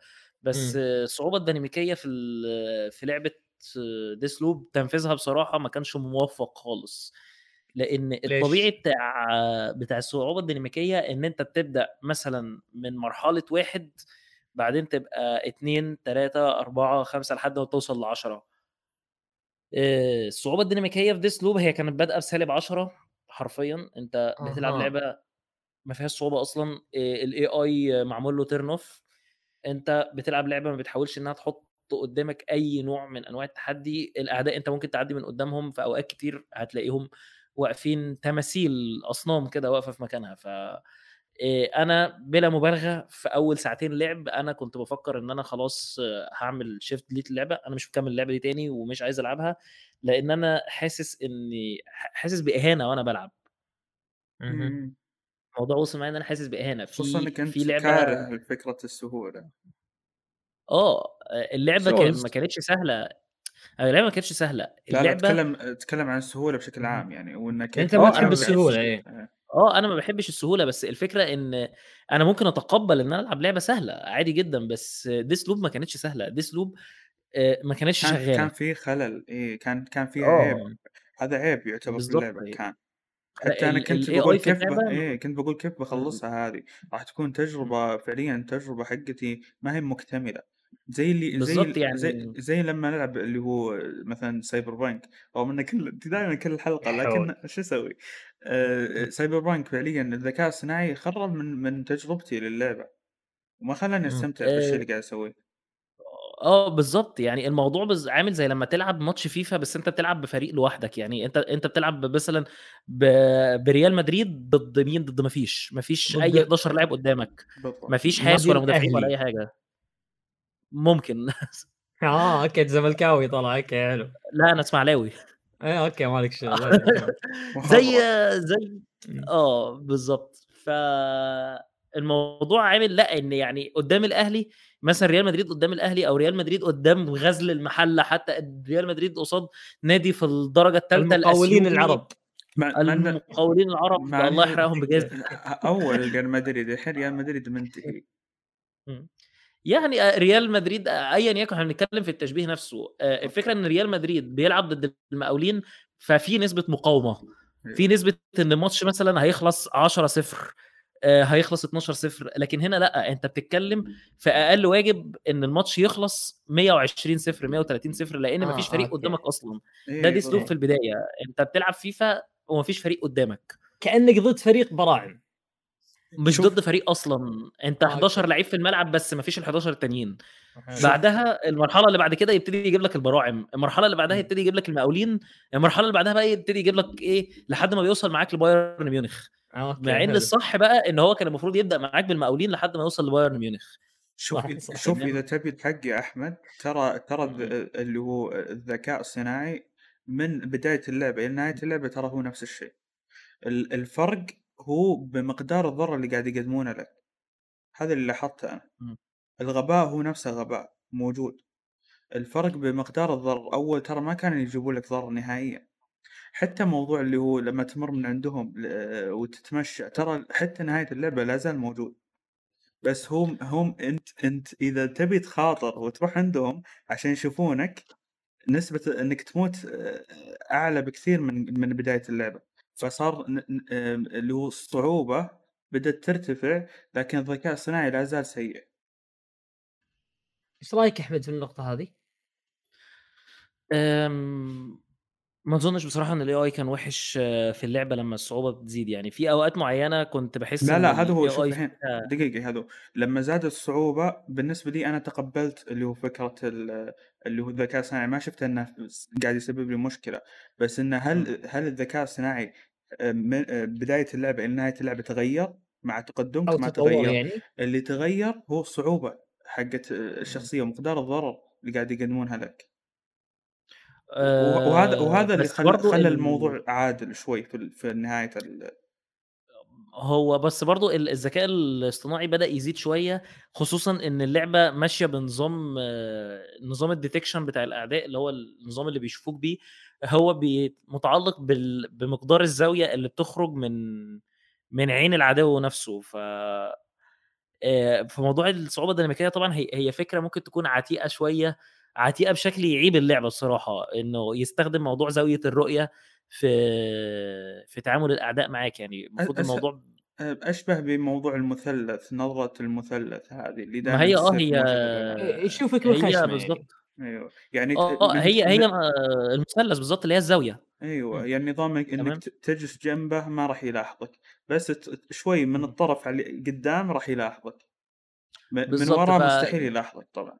إيه، بس ما الديناميكية بقى يسمعك كانت يعني. بتعمل إيه، الصعوبة الديناميكية كانت بتبتدي إنها تقعد توسّع الزاوية، وفي نفس الوقت بتعلّي ال ردات الفعل، يعني أنت لو عايز تشوف تقيّم فعلًا مستوى الصعوبة بيبقى عامل إزاي، آآ، حاول إنك تلعب ب بأسلوب الchaotic stealth اللي هو أكتر صعوب بيtrigger الصعوبة الديناميكية إنها تعلى، واتفرّج على الأعداء تحديدًا جوليانا لمّا تظهر، شوف هي هتتعامل معاك إزاي. هتلاقي جوليانا بتلعب معاك بشكل stealth معاها قدرات مع معاها جوليانا بتبقى داخلة معاك ب ب بالخطة أ والخطة ب والخطة ج، هي محضّرة لك خطط، هي إمم. بتحاول تلعب معاك stealth ولو توصلت لها هتستخدم ال الshield بتاعها وتستخدم الأسلحة، لو الshield خلص هتلاقيها بتستخبى cover. إيه، إيه، صحيح. فأنت بتلعب مع جوليانا ضد AI وهتحس إنك بتلاعب لاعب حقيقي ومف ومحترف اللعبة وبيلعبها بقى له سنين. تمام، آآ بس ده آآ هو عمومًا الشخصيات الرئيسية كلها كانت فعلًا تقدم تحدي بالنسبة لك، لكن إمم. الفرعية لأ، كان فيها إشكاليات. يعني أنت عارف آآ، شخصية زي زي Heart إن هي. معاها القدرة بتاعة ال الnexus اللي هو بتقدر إنها تربطك إن أنت تقدر تربط بيهم كذا شخص، ولو أيوه قتلت. واحد منهم الباقي بيموت. ففي مرة Heart يعني هي اللي شافتني الأول مش أنا اللي شُفتها، فطبعًا بتطاردني. آآ، أنا استغربت جدًا إن لقيت نفسي فجأة في هالة بيضا ظهرت على الشاشة، وفجأة لقيت نفسي باموت. أيوه. فقعدت قعدت لأ، أكيد اللعبة فيها حاجة غلط، أكيد اللعبة بايظة، في في مشكلة في اللعبة، اللي حصل ده اسمه مشكلة. بس مجرد ما قتلت هارت وأخدت منها ال القدرة بتاعة الnexus اكتشفت إن هي ربطت بيني وما بين واحد من الحراس بتوعها وراحت قاتلة الحارس ده. بالضبط. فكون إن ال AI في اللعبة بيتصرف كده، ده ده مستوى جديد. بس تطور. المشكلة إن أنت عشان تشوف المستوى الجديد ده أنت محتاج توصل لل full potential بتاع ال AI وعشان توصل لل full potential بتاع ال AI أنت هتشوف لعبة سيئة يعني لعبة سهلة لدرجة السوء بعدين هتبتدي تشوف لعبة سهلة وبعدين هتبتدي تشوف لعبة متوسطة وبعدين هتبتدي تشوف لعبة صعبة وبعدين هتبتدي تشوف لعبة بالمستوى اللي إحنا شو... اللي أنا بحكي فيه ده. ف... أحمد سؤال بس أنا عندي نقطة بستوضح منك نقطة معينة. هل اللعبة ال- أنت من وجهة نظرك إن الصعوبة تتصاعد معاي أو أو ال AI يو آي نفسه يختلف معاي آه، بسبة طريقة لعبي نفسها؟ يعني إذا أنا لعبت بشكل stealth وهذاك وحريص وما أنصاد راح يتطور معاي؟ أو بسبة إني أنا ما أموت أساسا بس ب- بشتى آه، الطرق آه، ألعب شنو ألعب؟ عادي يعني لو حتى لو اكشن حتى stealth مو مهم. لا أهم شيء إني ما أموت راح يرتفع معي شو؟ لأ هو مش آه يعني هو آه إنك ما تموتش بس في كذا طريقة أنت ممكن ما تموتش بيها. كل ما أنت اخترت الطريقة الأصعب إنك تخش مكان وتطلع منه من غير ما آه، ما الأعداء تدرك وجودك أصلا ده هيكون أسرع لك إنك تتريجر ال- الصعوبة الديناميكيه لو أنا فاهم صح يعني. عشان برضه ممكن مم. أكون مش هو شيء مو واضح أساسا. يعني ترى على فكرة آه، أحمد وفيصل هنا قاعد يجتهدون ترى في الموضوع لأن أساسا الاستديو نفسه ما صرح بأي شيء بهالخصوص صح؟ لا بتاتا. حسب أنا أتكلم حسب ملاحظتي ما أدري مم. بس انه فعليا يا أحمد ال- التخفي من بداية اللعبة إلى نهايتها آه، صار في صعوبة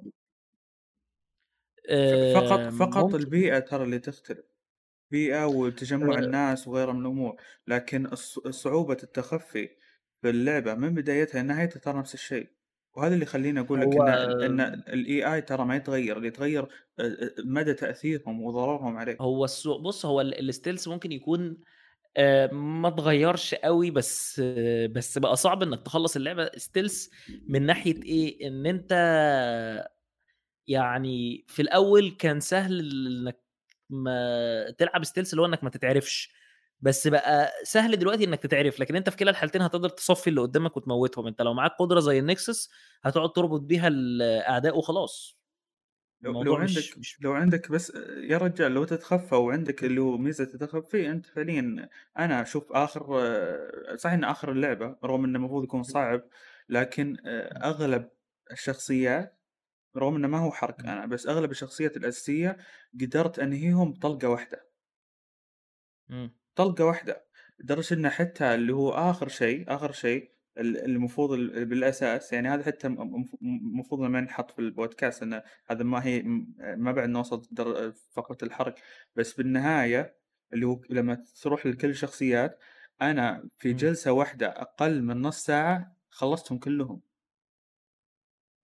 خلصتهم كلهم لأن كل واحد كلهم مم. بسنايبر طخ طخ طخ طخ وانتهى الموضوع. ما فأنا ما أنا وصلت برضو لحاجة زي كده يعني. كان أنا كان معايا أقوى sniper في اللعبة أصلا وكنت قادر إن أنا أخلص كل الاعداء عن طريق رصاصة sniper يعني.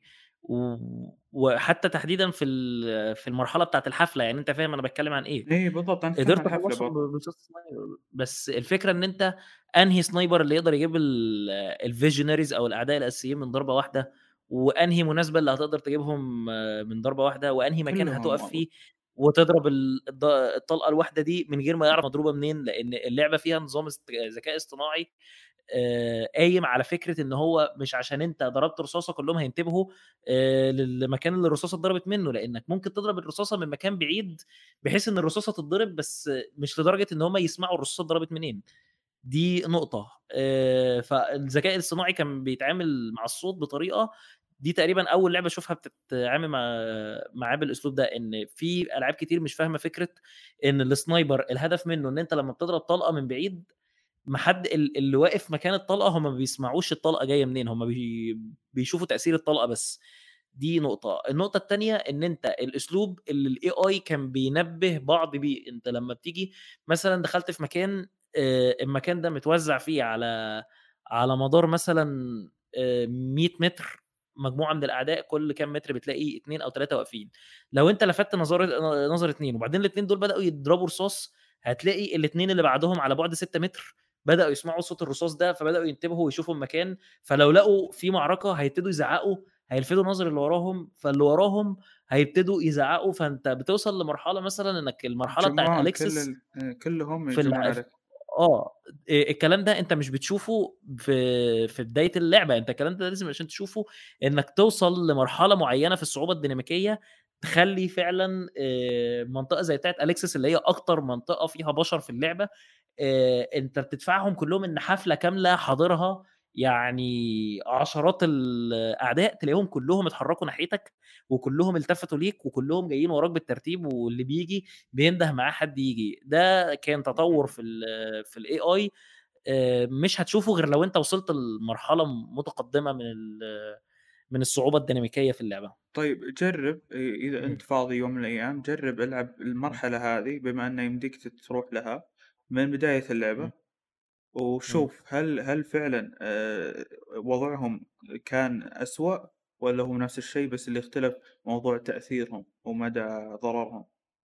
هنا بعدين آآ نشوف الوضع. هو أنا جرّبت حاجة زي كده فعلًا في الأول لمّا لمّا كنت بادوّر على أليكسس ولقيت إن لأ، هو التعامل معايا كان كان فيه كان فيه غباء وغباء واضح جدًا. لأن أنا دخلت في لأليكسس في أول مرّة و وهو ده أصلًا سبب إن أنا كنت متضايق من مستوى اللعبة.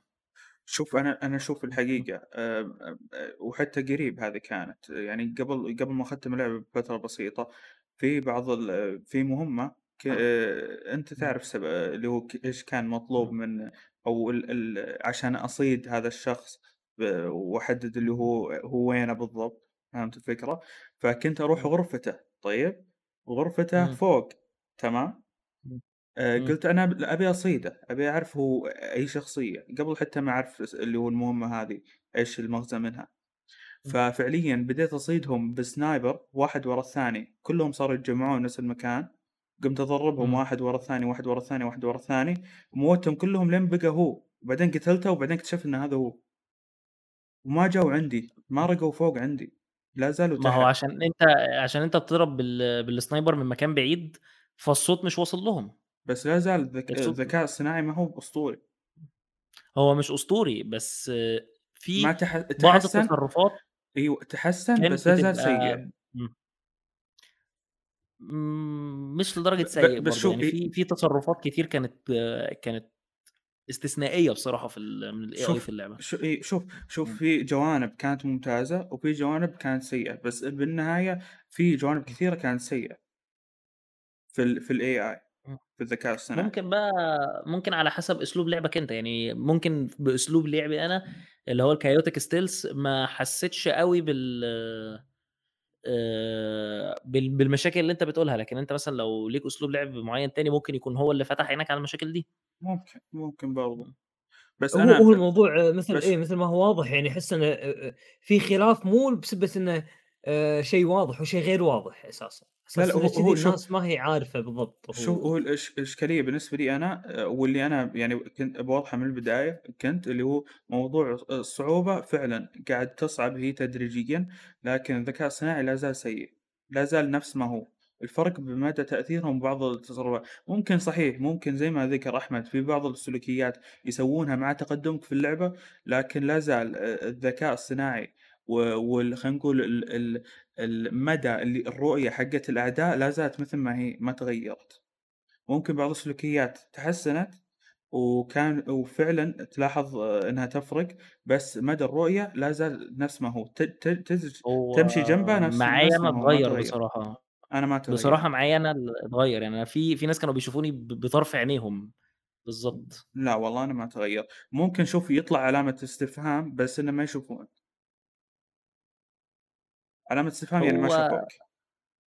بس ال الجوانب اللي إحنا كنا محتاجين فيها AI كويس زي تعامل ال الvisionaries نفسهم معاك، وتعامل حد زي جوليانا دي بصراحة كانت متنفذة بشكل ممتاز لا،. لأ شوف هو. جوليانا شوف مو بس جوليانا، حتى الأعداء الرئيسيين كلّهم كانوا الذكاء الصناعي حقهم جدًا ممتاز وكان مثالي، حتى الصعوبة إمم، اللي قاعد يقدمونها صعوبة ممتازة جدًا ومقنعة، لكن اللي هو الكلام على الأعداء الفرعيين فقط. بس إمم، بس إنه بشكل عام بشكل عام كا كان آه، مع التقدم في اللعبة ما راح ما راح تلاحظه عيب، هو بداية اللعبة كان عيب وواضح، بس ما عاد متقب ما أدري هل أنت بتتقبل والّا إنه فعلًا هم تحسنوا ما أدري، وحتى ممكن ممكن موضوع توزيع الأعداء اختلف إمم، أو خلينا نقول لأن في مناطق معينة يختلف الوضع فيها، فعشان كذا تحس إنه آه، أو تحسن الذكاء الصناعي. بس أنا بشكل عام ما أدري شفت ان آه، الذكاء الصناعي هو نفسه ما تغير المشكلة آه، اللي تغير هو الصعوبة ومدى الضرر اللي قاعد يقدمونه لي. هذا اللي لاحظته أنا شخصيا. يشاركون ال ال الأخوة المتابعين اللي جربوا اللعبة. طبعا اللي جربوا اللعبة.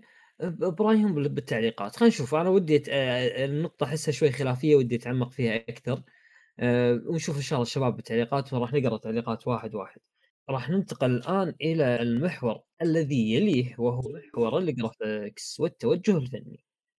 ممتاز. يعني أحب بس أسمع الكلام بتاع فيصل الأول في الموضوع ده.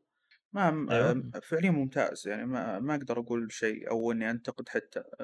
أنا لاحظت ما ما لاحظت أي مشاكل فيها سواء ال graphics. ال graphics حتى أنا مع إن جهازي كان ضعيف يعتبر مقارنه بال بالمواصفات المطلوبة إلا إن ما لاحظت أي مشاكل أو سوء في حتى في هذا. حتى ما أقدر أقيم لأن بالنهاية مواصفات جهازي حتى أقل من المتطلب.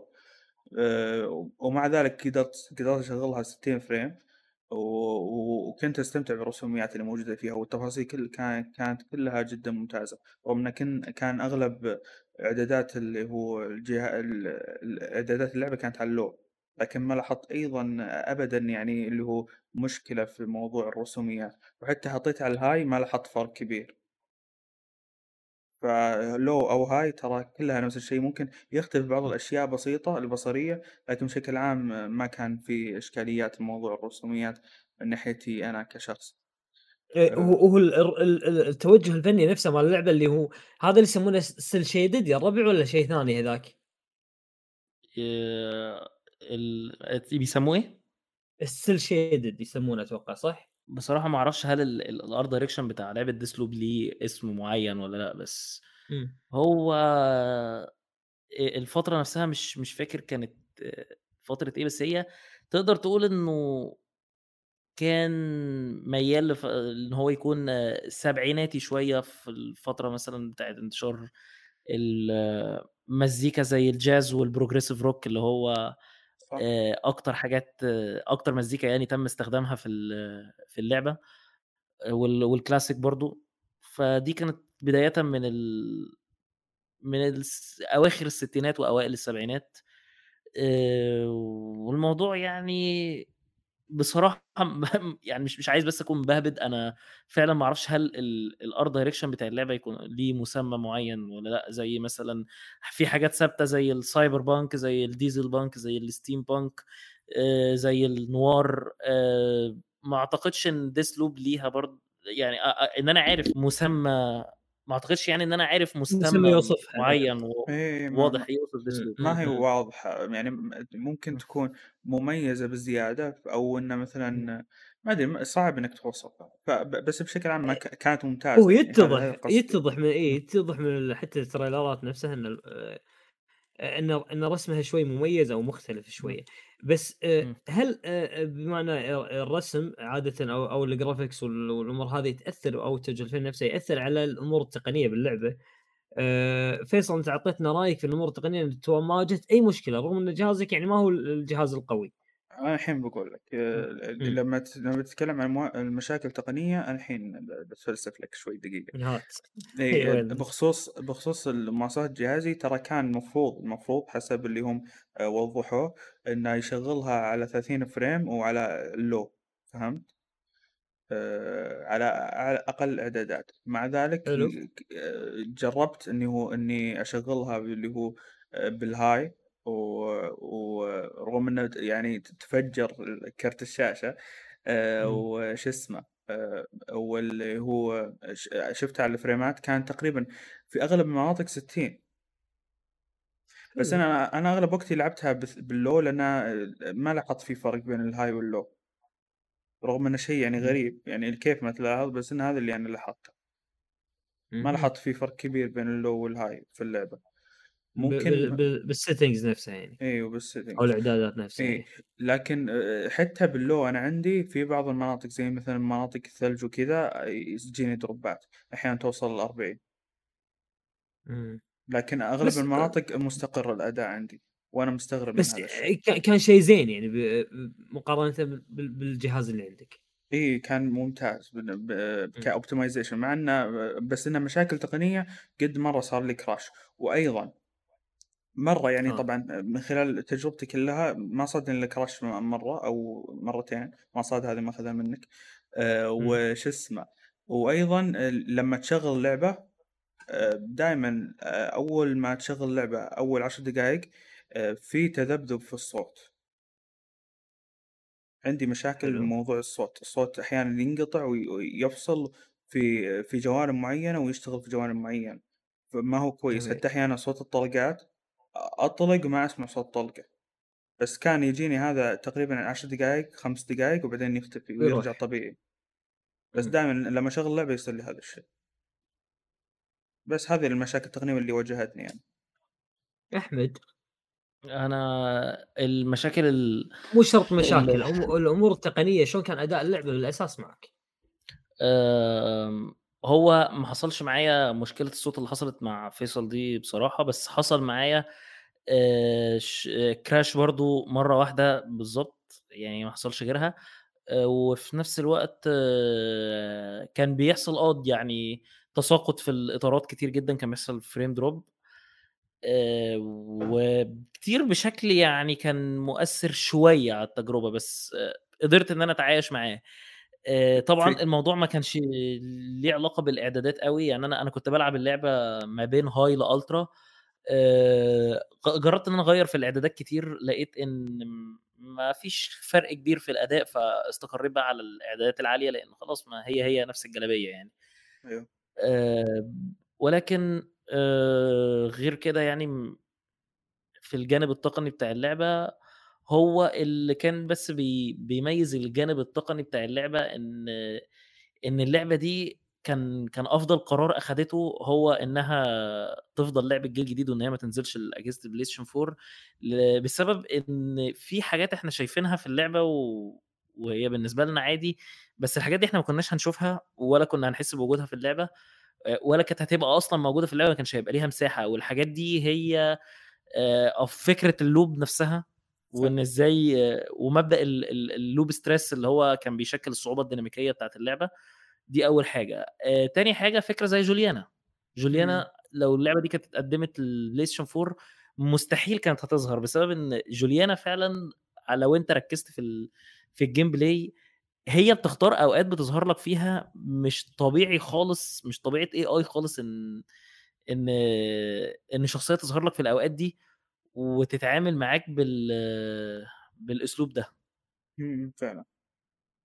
آه، جوليانا لأ تعاملها معاك فعلا كان اشبه يعني ال AI كان أشبه بنسبة كبيرة بال بالاونلاين أنا زي ما قلت لك جوليانا مرة ظهرت لي حاولت إنها تستخدم معايا ال stealth وال... والمشهد ده أنا أنا حاطه في ال review بتاع اللعبة. يعني لو حد شاف ال review في الجزئية اللي أنا بتكلم فيها عن جوليانا هيشوف المشهد بعينه. أنا حاطه زي ما هو في الفيديو. آه، جوليانا ظهرت كانت بتحاول إنها تقتلني stealth آه، مجرد آه، ما قدرت إن أنا أوصل لها آه، لقيتها بتستخبى وبتاخد cover مرة أيوة. تانية برضو كانت بتحاول تتعامل مع تتعامل معايا stealth وكانت متنكرة في زي واحد من الأعداء مجرد ما وصلت لها استخدمت ال ability اللي بت... بتخليها تعمل shield حوالين نفسها اللي هي كانت ال Karne لأ مش ال Karnesis مش فاكر كان اسمها إيه بالظبط المهم إن ال... ال... ال... ال skill دي. أول ما هي استخدمتها فال skill دي ليها ليها وقت والوقت ده بيخلص. فأنا كنت بحاول أتفادى المواجهات معاها لحد ما الوقت ده خلص. مجرد ما الوقت خلص وال skill راحت آه لقيت إن هي بدأت تاخد cover وما كانتش بتخرج من ال cover ده بسهولة اللي هو كان لازم أنا أروح لها وأخرجها منه. فاختيار الوقت مع الذكاء الاصطناعي آه، مع أسلوب ال fight بتاعها مع أسلوب إنها تقعد لما تكتشف إن في قدرة معينة أنت قادر تتعامل معاها لما تستخدم القدرة دي فتبتدي إنها تغير القدرة دي وتستخدم معاك قدرات مختلفة الفكرة كلها على بعض آه، تو- توريك يعني إيه لعبة جيل جديد. لعبة الجيل الجديد مش معناها إن إحنا شايفين مستوى سينمائي مبهر مستوى رائع في ال graphics آه، القطة لما بيعدي شوية هوا عليها شعرها بيتحرك مش هو ده اللي إحنا عايزينه من الجيل الجديد. اللي إحنا عايزينه من الجيل الجديد إن إحنا نبتدي نشوف أفكار في ال gameplay تعرفنا إن يعني تقول لنا إيه الفرق ما بين بلاي ستيشن 4 وبلاي ستيشن 5 لأن كون إن الجرافيك بيتطور دي حاجة طبيعية جدا بنشوفها من أيام. الأتاري. صح. آه الجرافيك ما هو لازم يتطور. ولو على الإبهار بالجرافيك فلو أنت بصيت بقى على على الأفلام ال pre-rendered زي مثلا افلام ديزني مثلا. زي أفلام ديزني الأخيرة. آه أنت معلش يعني الناس كانوا بيعملوا أفلام تضرب أي لعبة بالجزمة من ناحية الإبهار بقى. والجرافيك. يعني صح. في أفلام فعلا آه لأ هي كانت أقوى بكتير من المستوى الجرافيك اللي بتقدمه الألعاب. لكن آه الألعاب إحنا بنحبها لسبب. إحنا بنحب الألعاب لأنها بتقدم أفكار. فكل ما اللعبة قادرة إنها تقدم أفكار يعني مثلا جيل ال PlayStation 4 في أفكار كتير قوي اتلغت في ألعاب إحنا بنحبها زي مثلا لعبة زي Dragon Age Inquisition اتلغى منها فكرة تمام؟ آه، إن يكون في معركة كاملة بتحصل ما بين جيشين وتعوض إن أنت بتت... المعركة بتحصل في ال background بس أنت بتخش في combat مع خمس أعداء في خمس أعداء في خمس أعداء زي ألعاب ال hack and slash بتاعت ال PlayStation 2 كل ده لأن العتاد بتاع ال PlayStation 4 ما كانش قادر يستحمل العدد ده كله من الأعداء. صحيح. فلما تيجي بقى تبص على المرحلة بتاعت Aleksis آه، في Deathloop تعرف يعني إيه أنت بتلعب لعبة جيل جديد لما تيجي تشوف آه، فكرة زي Julianna محطوطه إزاي في اللعبة تعرف يعني إيه لعبة جيل جديد فكرة ال loop نفسها وتعاملك معاها. وتعامل شخصيات اللعبة معاها وكون إن في تغيرات معينة أنت ممكن تعملها في في ال loop التغيرات دي لما بتعيد اليوم بتفضل ثابتة وفي أفكار تانية لما بتعيد ال loop بتتغير. فكرة إن التفرقة ما بين ده أو ده هي دي الألعاب ال... هي دي ألعاب الجيل الجديد. هي دي الألعاب اللي بيقول لك آه إحنا قدام لعبه جيل جديد فلذلك Arkane يحترموا جدا على فكرة إن اللعبة ما نزلتش غير لجهاز PlayStation 5 بس لأن خلاص يعني PlayStation 4 و... و Xbox 1 دي دي صفحة واتقفلت. إحنا المفروض إحنا إحنا بدأنا في الصفحة الجديدة ما يبقاش الجهاز بتاعك في السوق والناس بتشتريه وبتشتريه بأغلى الاثمان يعني هنا في مصر آه السعر بتاعه إحنا ممكن بنكون بندفع 10000 زي... جنيه زيادة عن السعر بتاعه أصلا. يعني لو هو say إن هو عامل 400 دولار إحنا ممكن نكون بندفع 400 دولار زيادة. ال 400 دولار دول بيبقوا داخلين بقى في جمارك وضريبة سلع استفزازية وضريبة مضافة صح. وكذا حاجة تانية. فما بقاش أنا مشتري الجهاز ده وانت بتنزل لي ألعاب تخليني أقول طب هو أنا اشتريت الجهاز ليه؟ ما أنا كان عندي ال four صحيح. فلذلك يعني أنا احترمت قرارات الجيل الجديد اللي, اللي Arkane Lyon أخدوها في في لعبة زي Deathloop آه، في ان كلها كانت متعلقة بالأفكار إن أنا خلاص أنا عندي جهاز آه، فيه اس اس دي أنا هستغل ال SSD ده الجهاز فيه processor عالي أنا هستغل ال processor ده لكن ما يبقاش ربنا مديني جهاز زي ده وأنا أحارب إن أنا أعمل أقوى جرافيك لسنة 2020 طب ما The Last of Us 2 الجرافيك بتاعها كان عظيم جدا وكان حاجة. استثنائية. آه بس اللعبة كانت إيه؟ اللعبة فيها mechanics يعني معمولة من سنة 2001 ومخرج اللعبة طالع بيقول إن دي ثورة في التكنولوجيا وإن هو ضاف mechanics جديدة على السلسلة وال mechanics دي موجودة من سنة 2001 بل موجودة من سنة 98 كمان في ألعاب زي Metal Gear Solid 1 من هو ده المخرج؟ اللي أنا أقصده. آه، مخرج Neil Druckmann ونعم. تمام. الله ياخذه. الله يحرقه يا رب. أنا متعمد آه. اني أقول اسمه عشان الناس تدعي عليه عرفت؟ شاء الله ف فبس يعني فده اللي عجبني بقى في موضوع إن ده اللي خلاني فعلا أقول على Deathloop لا هي Deathloop بعيد بقى عن Ratchet and Clank بعيد عن اللعبة بتاعت Housemarque دي اللي اسمها Returnal لا Deathloop هي أول لعبة نشوفها كلعبة جيل جديد. Demon's Souls مش مش لعبة جيل جديد. Demon's Souls هي Demon's Souls بس الجرافيك بتاعها حلو. Ratchet and Clank هي Ratchet and Clank بس ال graph- ال graphic بتاعها حلو. Returnal هي لعبة roguelike ال graphic بتاعها حلو وما هياش roguelike حلوة كمان يعني هي roguelike معيوبه لكن لو هتقول لي بقى لعبة جيل جديد فبصراحة أنا شايف إن Deathloop هي هي اللي تستحق لقب زي ده يعني هي اللي تستحق وصف زي ده. جميل. لا، Ratchet آه، في بعض الأفكار اللي قدموها فعليا ما تناسب الجيل الجديد زي موضوع تنقل العوالم. لكن بشكل عام آه، هل ال graphics حقها آه، كان مبهر؟ لا ما كان مبهر كثير عادي يمدي Horizon اللي هو نزلت على اللي هو ال PlayStation 4 وكانت ب graphics مبهر فهنا الفكرة يعني آه، على سيرة موضوع التنقل ما بين العوالم في Ratchet and Clank هو هو الفكرة في الموضوع إنهم كل اللي عملوه هو إنهم اعتمدوا بس على قدرات ال SSD إن هو شلك ال loading screen اللي ما بين كل عالم والتاني. دي حاجة بترجع للقدرات بتاعت ال SSD في الجهاز يعني دي. دي الحاجة الوحيدة اللي استفادوا منها بس ده ده مش مش فكر جيل جديد لأن الكلام ده بيحصل على ال PC من ساعة ما اخترعوا ال SSD يعني الناس من 2016 وهي قادرة تعمل اللي اتقدم في Ratchet Clank يعني قبل ما ال PlayStation 5 ينزل كانت نزلت لعبة Assassin's Creed Valhalla Assassin's Creed Valhalla كان في mod أو trainer نزل للعبة آه، وأنا جربته شخصيا يعني بيخليك قادر إنك ت fast travel آه، للخريطة من من أول مكان في الخريطة لآخر مكان في الخريطة بدون فهمته ثانية loading screen أنت من أقصى شمال الخريطة لأقصى الجنوب أنت بتشاور على مكان بتفتح الخريطة تشاور على مكان تقفل الخريطة تلاقي نفسك دخلت المكان ده. تمام؟ بدون loading screen حتى لو أنت ما بتلعبش اللعبة على SSD فالموضوع إنك بتتنقل من عالم لعالم ده هو استغلال لقدرات ال SSD لأن ال PlayStation 5 متركب فيه نوع SSD يعتبر هو الأفضل. خارق نعم إيه. تمام؟ فده يعني اتقدم في Demon's Souls وبرضه لما تيجي تسافر من مكان للتاني. يعني مثلا صح. مبارك أنت جربت ال fast travel في Dark Souls 3 وجربت fast travel في Demon's Souls أنت لعبت اللعبتين. آه طبعا أنت شايف الفرق ما بين ال travel عامل إزاي ما بين العالم وعالم. أنت مجرد ما بتقعد على ال bonfire خلاص. صح ما فيش loading screen أصلا. هم شايلين ال loading screens من اللعبة لأن هم عارفين إنك الموضوع مسألة فهمته ثانية وهتوصل. ما تحتاج تمام؟ الموضوع اللي حصل مع فعلا أنا فهمت وجهة نظر أحمد انه أنا اللي حصل مع Demon's Souls إيش اللي شفناه ب Demon's Souls شفنا graphics اسطوري أو graphics رائع جدا لكن نفس اللعبة.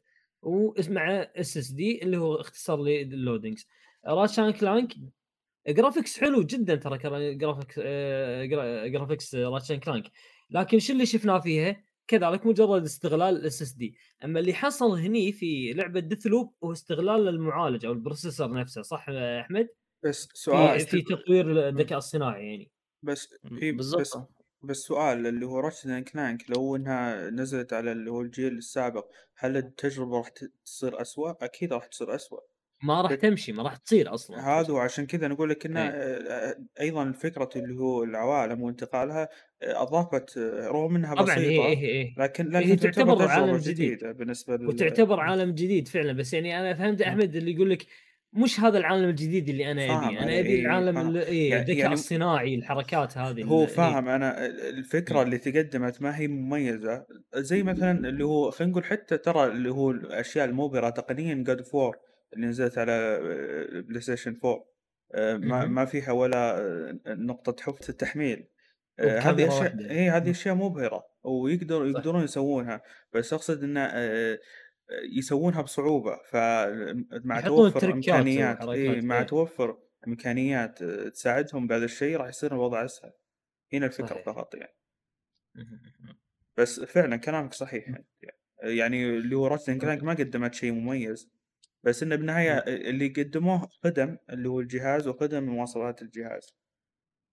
فهنا الفكرة يعني. يعني أسلوب الموضوع ما كانش ليه علاقة بالذكاء الاصطناعي بس هو الموضوع أساسا آه، تقدر تقول إن إن هم يعني لفتوا نظرك ليه جوه اللعبة في المرحلة بتاعت التشارلي تحديدا المرحلة بتاعت الكمبيوتر بتاعت تشارلي. يعني أنت أنت فاهم قصدي إيه يا فيصل؟ اللي هو فكرة إن إن أنت كنت محتاج معالج يحفظ يحفظ كل تقدمك في اللعبة وفي ال loop ويحفظ التغيرات اللي في ال loop ويخلي التغيرات دي تتفاعل معاك ويخليك تشوف ردود أفعال مختلفة من ال loop وزيد على ده فكرة جوليانا تمام؟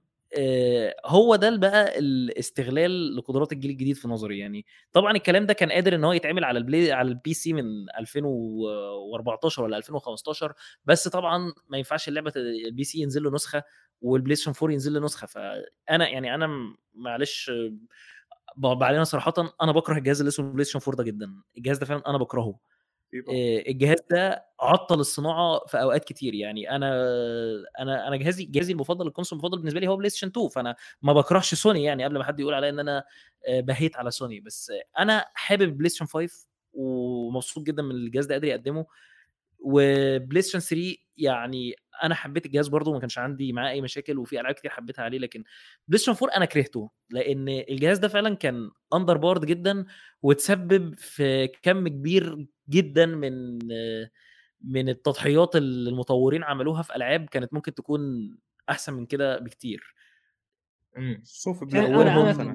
وهو شوف أنا فهمت وجهة نظر أحمد هو ما هو ما هو الجهاز الأضعف ترى على فكرة ال PS 4 يعني بالجيل الماضي يعني آه، Xbox العادي ال- آه، ال Xbox One العادي أضعف منه ال PS لا 4 جبلين. يعتبر أقوى بلا بلا بلا لا صح. ولا أنا غلطان أحمد؟ مو صحيح آه، مش مش فاكر كان أنهي واحد آه، أو أنا أعرف ان هم عملوا ال Xbox One X ده كان أقوى console اتعمل في الجيل اللي فات بس مو الاكس العادي ال- ال1 ال1 وال PS 4 العادي إيه. آه ما أعرفش والله ال PS 4 ك- أقوى. شوف شوف إيه. لا لا شوف دائما دائما Xbox تتفوق من ناحية من ناحية القوة على اللي هو PlayStation هذه خذها قاعدة عموما بس ليش جهاز. PS 4 اللي إيه قاعد ينتقده أحمد لأنه الأكثر انتشارا فالأكثر انتشارا هو اللي راح يحدد آه، معايير هو- صناعة الألعاب نفسها صح ولا لا أحمد؟ آه، هو أنا هي دي لغتي في الكلام. يعني أنا مثلا بدل ما أقول الجيل السابق آه، بقول الجهاز PlayStation 4 لكن ممكن أنا أقصد اللي حصل في الجيل اللي فات. بس هو ال- الجيل اللي فات ان أنت كان عندك مطورين قادرين إن هم يقدموا أفكار في ألعاب والأفكار دي كانت يعني سهل إنها تتقدم على جهاز آه، يكون العتاد بتاعه قوي زي ال PC ولكن بسبب إنك عندك عتاد fixed ضعيف جدا زي ال PlayStation 4 وال Xbox One أنت كنت بتضطر تضحي. يعني أنا أنا واحد من الناس أنا حبيت لعبة Dragon Age Inquisition جدا بس لما قريت عن ال cut content في اللعبة اللي كان سببه الأساسي هو ال consoles أنا كرهت اللعبة وكرهت الجهاز بتاع ال PlayStation 4 بسببها. أنت عندك لعبة زي Bloodborne اللعبة دي حرام إنها تلعب على 30 frame. اللعبة دي أنت كده بتهينها إنك بتلعبها على 30 frame. ما بالك بقى إنك كنت بتلعبها على 30 frame على frame pace بايظ ف الموضوع ما كانش أحسن حاجة في الدنيا يعني. فعشان بس. ما نخ- ما نخرجش عن السياق بتاع الفيديو أنا زي ما قلت لكم أنا حبيت اللي Deathloop عملته من ناحية استغلالها للجيل الجديد بسبب إن أنا فكرت اللعبة دي لو كانت نزلت ال PlayStation 4 كانت هتبقى عاملة إزاي؟ اللعبة دي لو نزلت في ال PlayStation 4 آه، اولا هي كانت هتبقى مختصرة عن كده جدا فكرة ال loop ما كانتش هت... فكرة ال loop stress تحديدا ما كانتش هتقدم؟ بنفس الشكل اللي إحنا شفناه. جوليانا مستحيل. مم. جوليانا لو ظهرت لك مرة الجهاز هيتحرق مم. يا يا إما بقى كانت هتظهر لك بشكل بشكل غبي. وساذج إيه، في وعشوائي واللي هو الموضوع هيبقى عامل زي أو يحط انها إيه أو يحطوا لك أكثر من جوليانا واحدة يحطوا لك أربع جوليانات خمس جوليانات يعني على أساس يصير الموضوع شوي أصعب عليك فتحس آه إنه وهيكونوا أغبياء برضو الموضوع أيوة، هيبقى هم أغبياء خمسة أغبياء يعني إيه أيوه بالضبط بس؟ بس دقيقة على طاري جوليانا ما تلاحظ انه في بعض الأحيان رسب هي بوقت معين ونفس المكان؟ آه، هو آه هي حصلت لي مرتين إن هي طلعت لي في وقت معين في نفس المكان فعلا. أيوه. دي دي حاجة أنا لاحظتها بس آه، مش كتير يعني. هي أنا أنا مو كثير برضو بس أنا يعني مثلا الأشياء اللي احطها في في مكان في الحفلة. وقت في الحفلة؟ آه هي الحفلة إيه، كانت respawn تي أكثر من مرة في نفس المكان آه، بعد حدث معين صار. بعد شيء معين آه يصير. في الحفلة حصل معايا نفس الكلام ده مرتين بس لو تلاحظ إن ال AI بتاع جوليانا. ال AI بتاع جوليانا آه، في لعبة Deathloop هو كان معتمد على إنه هيظهر لك في مواقف تكون صعبة صح. و... وتكون أنت فعلا آخر حاجة محتاجها هي. جوليانا. بالضبط. فلما توصل لنهاية اللعبة وتبقى في مشهد الحفلة طبعا أنت عارف إن دي بتبقى أكتر نقطة ممكن تكون يعني حساسة وحرجة في اللعبة. فعشان كده كان طبيعي إنك تقابل جوليانا كتير وطبيعي إنك تقابل جوليانا تظهر لك في نفس الوقت ال- اللي هي ظهرت فيه ده شوف يعني أنا. أنا عارف هي كانت بتظهر لك إمتى أنا عارف هي كانت بتظهر. لك إمتى لأنها كانت بتظهر في نفس الوقت ده بالظبط وبعد نفس الحدث اللي أنت تقصده أيوه بس لو فكرت فيها إن إنها يعني ده أنسب وقت إن هي تظهر لك فيه إيه هو هو شوف آه مم. غالبا المبرمجين هم على أن آه على أنها إذا فهمت هي أن أنت قربت و... وتقتل مثلا هذا الشخص أو قربت وتحل مثلا هذا اللغز اللي يقربك لقتله تبدأ تطلع. لك. هذا إذا في حال أنت هي لعبتها AI لعبتها اللي هو هو offline تقريبا. لكن لعبتها AI أما الاونلاين لا تطلع لك بأي وقت. الموضوع عشوائي تقريبا. حتى ما ممكن هو تطلع من أول ما ت respawn من أول ما تبدأ اللي هو ال loop يطلع لك عادي هذا في الأونلاين ما أنا ما أنا سمعت كلام أصلا سيء كتير عن الأونلاين في الحتة دي تحديدا إمم. آه، فعشان كده قلت لأ خليني في ال offline لأني أصلا الفترة اللي فاتت الوقت عندي ما كانش ما كانش أكتر حاجة يعني إمم. فقلت لأ اللي هو أنا عايز أخلص اللعبة وأوصل معاها ل... لا وبعدين دسمة هو فعلًا، إمم. شوي. آه وال AI كان كان حلو كفاية إن هو يخليني مش محتاج حد أونلاين يخش لي يعني ال AI بتاع جوليانا بالضبط إي، لا، لا التحدي إمم. اللي كان مقدّم مرضي جدًا ويكفيك فعليًا، لأن أنت س أحيانًا تموت بسببها يعني، إمم.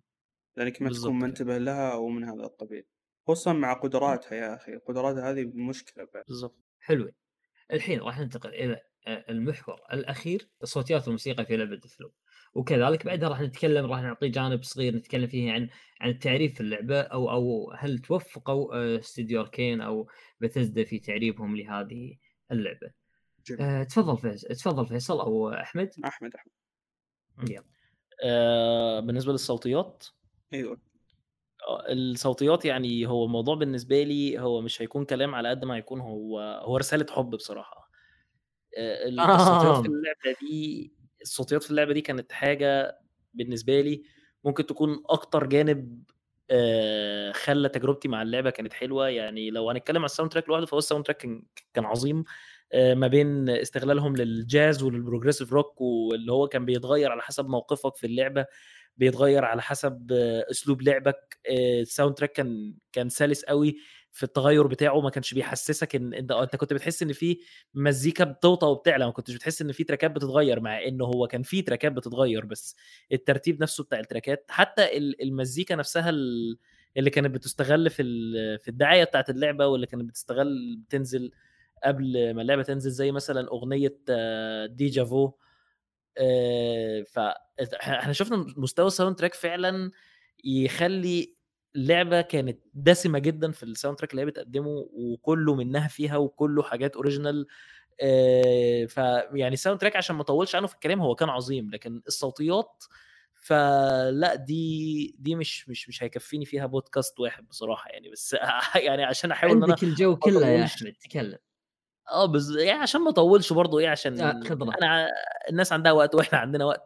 لكن بس أنا مستمتع امانه لو اتكلمنا عن مثلا الصوتيات بالنسبة للأسلحة تمام؟ إمم. ما فيش سلاح صوته زي التاني ما فيش سلاح صوته وحش. الصوتيات كانت آه، في نفس الوقت آه، متداخلة ومتعلقة مع ال feedback بتاع السلاح. كل سلاح انت بتشوف ردة فعله مع صوته اللي بيظهر. كل الكلام ده كان معمول بشكل متقن جدا. وبرضه كان في آه، استغلال لقدرات الجيل الجديد من ناحية توزيع الصوت آه، ودي نقطة شرحتها في ال gameplay لما كنا بنتكلم عن ال AI إن أنت الصوت كان ممكن يوصل آه، من شخص في في جنوب الجزيرة لحد شخص في شمال الجزيرة عن طريق إن هو بيبتدي يسمع أقرب حد ليه فبيبتدي على الأقل ينتبه. تمام؟ كل ال كل الأفكار دي بالنسبة بالنسبة للصوت في اللعبة كانت حاجات ممتازة وعبقرية وتحسسك إن أنت أنت بتلعب لعبة فعلا التفاعل معاها أو الانغماس فيها كان سهل. الصوت مجرد ما تلبس السماعة اللعبة كانت قادرة فعلا إن هي تبلعك للعالم بتاعها من ناحية الأصوات بس في اللعبة. تمام. آه، استكمالا للكلام عن الأصوات عندك الأداء الصوتي بتاع الممثلين. يعني. الأفضل في سنته حاليا هم كولت وجوليانا. الاثنين دول هم الأفضل في سنتهم. آه، أنا شفت أداء تمثيلي من الاثنين يعني كان باللعبة كلها بصراحة. يعني أنا كنت ممكن يديني لعبة عبارة عن كولت وجوليانا بيتكلموا مع بعض في علاقة الحب والكراهية اللي بينهم هما الاثنين موضوع بالنسبة لي كان أمتع حاجة في اللعبة. أنا كنت بستنى اللحظة اللي أنا هوصل فيها لل hub area بتاعه ال... بتاعه كولت الكولت بيكون موجود فيها. أنا كنت بستنى اللحظة دي بفارغ الصبر عشان أسمع النقاشات اللي هتحصل ما بين كولت وجوليانا. تحديدا لو كانت جوليانا ظهرت لي في الفترة الزمنية اللي قبلها وأنا قتلتها أو هي قتلتني عشان أبتدي أشوف آه، التحفيل اللي هم بيحفلوه على بعض. يعني جيسون اي كيلي واوزيوما أكاجا عملوا أدوار للتاريخ من ناحية الأداء الصوتي. آه، وكذلك بقية ال cast في اللعبة يعني ال- الممثلة بتاعت فيا الممثلة بتاعت وينجي الممثل بتاع أليكسيس الممثل بتاع إيجور الممثلة بتاعت هارت كل الناس دي قدمت مستوى ما يفرقش كتير عن اللي اتقدم من كولتو وجوليانا. بس كولتو وجوليانا هم اللي ظهروا أكتر يعني إحنا شفنا كولتو وجوليانا أكتر وشفناهم بيتكلموا أكتر وسمعنا صوتهم أكتر. الباقيين كان السكريبت بتاعهم ممكن يكون صغير شوية بالنسبة للعبة فعشان كده ما نقدرش إن إحنا نساويهم بكولتو وجوليانا لأنهم ما أخدوش نفس المساحة. يعتبر. صح. بس آه، أنت خلاص يعني لو أنت عندك جايزة أحسن ممثلة أنثى وأحسن ممثل ذكر آه، بالنسبة لجوائز الألعاب لسنة 2021 فخلاص هو أزيوما أكاجا وجيسون ايكيلي ما ما فيش أصلا منافسة بينهم وما بين أي حد مثل في أي لعبة نزلت السنة دي. يعني المنافسة أصلا هي منعدمة. هم حطوا كده سحابة من الإحباط لأي حد هي... هينافسهم في الموضوع. حتى لو الجوائز اتعقدت وهم ما أخدوش جوائز فهم مش محتاجين الجوائز في حاجة. هم أثبتوا كده اوريدي في اللعبة اللي اتعملت واللي هم عملوه فيها. فبرضو جزئية الاداء الصوتي في اللعبة كانت حاجة ما بنشوفهاش كتير. يعني مش مش هقول إنها جديدة أو ما اتعملتش قبل كده بس كل اللي هقوله إن إحنا ما بنشوفهاش كتير. إن يكون في لعبة الأداء الصوتي فيها آه، يلاقي الاهتمام ده كله. إحنا بنشوف ألعاب فيها ممثلين من هوليوود وما بنشوفش ربع الأداء الصوتي اللي شفناه من آه، من جيسون وازيوما في آه، لعبة ديسلوب فعلا حتى اللي هو موضوع اللي هو هي المفروض إنها تكون شريرة مع ذلك انت قاعد تضحك وياها وتستمتع من نكتها اللي قاعد تقول عليك.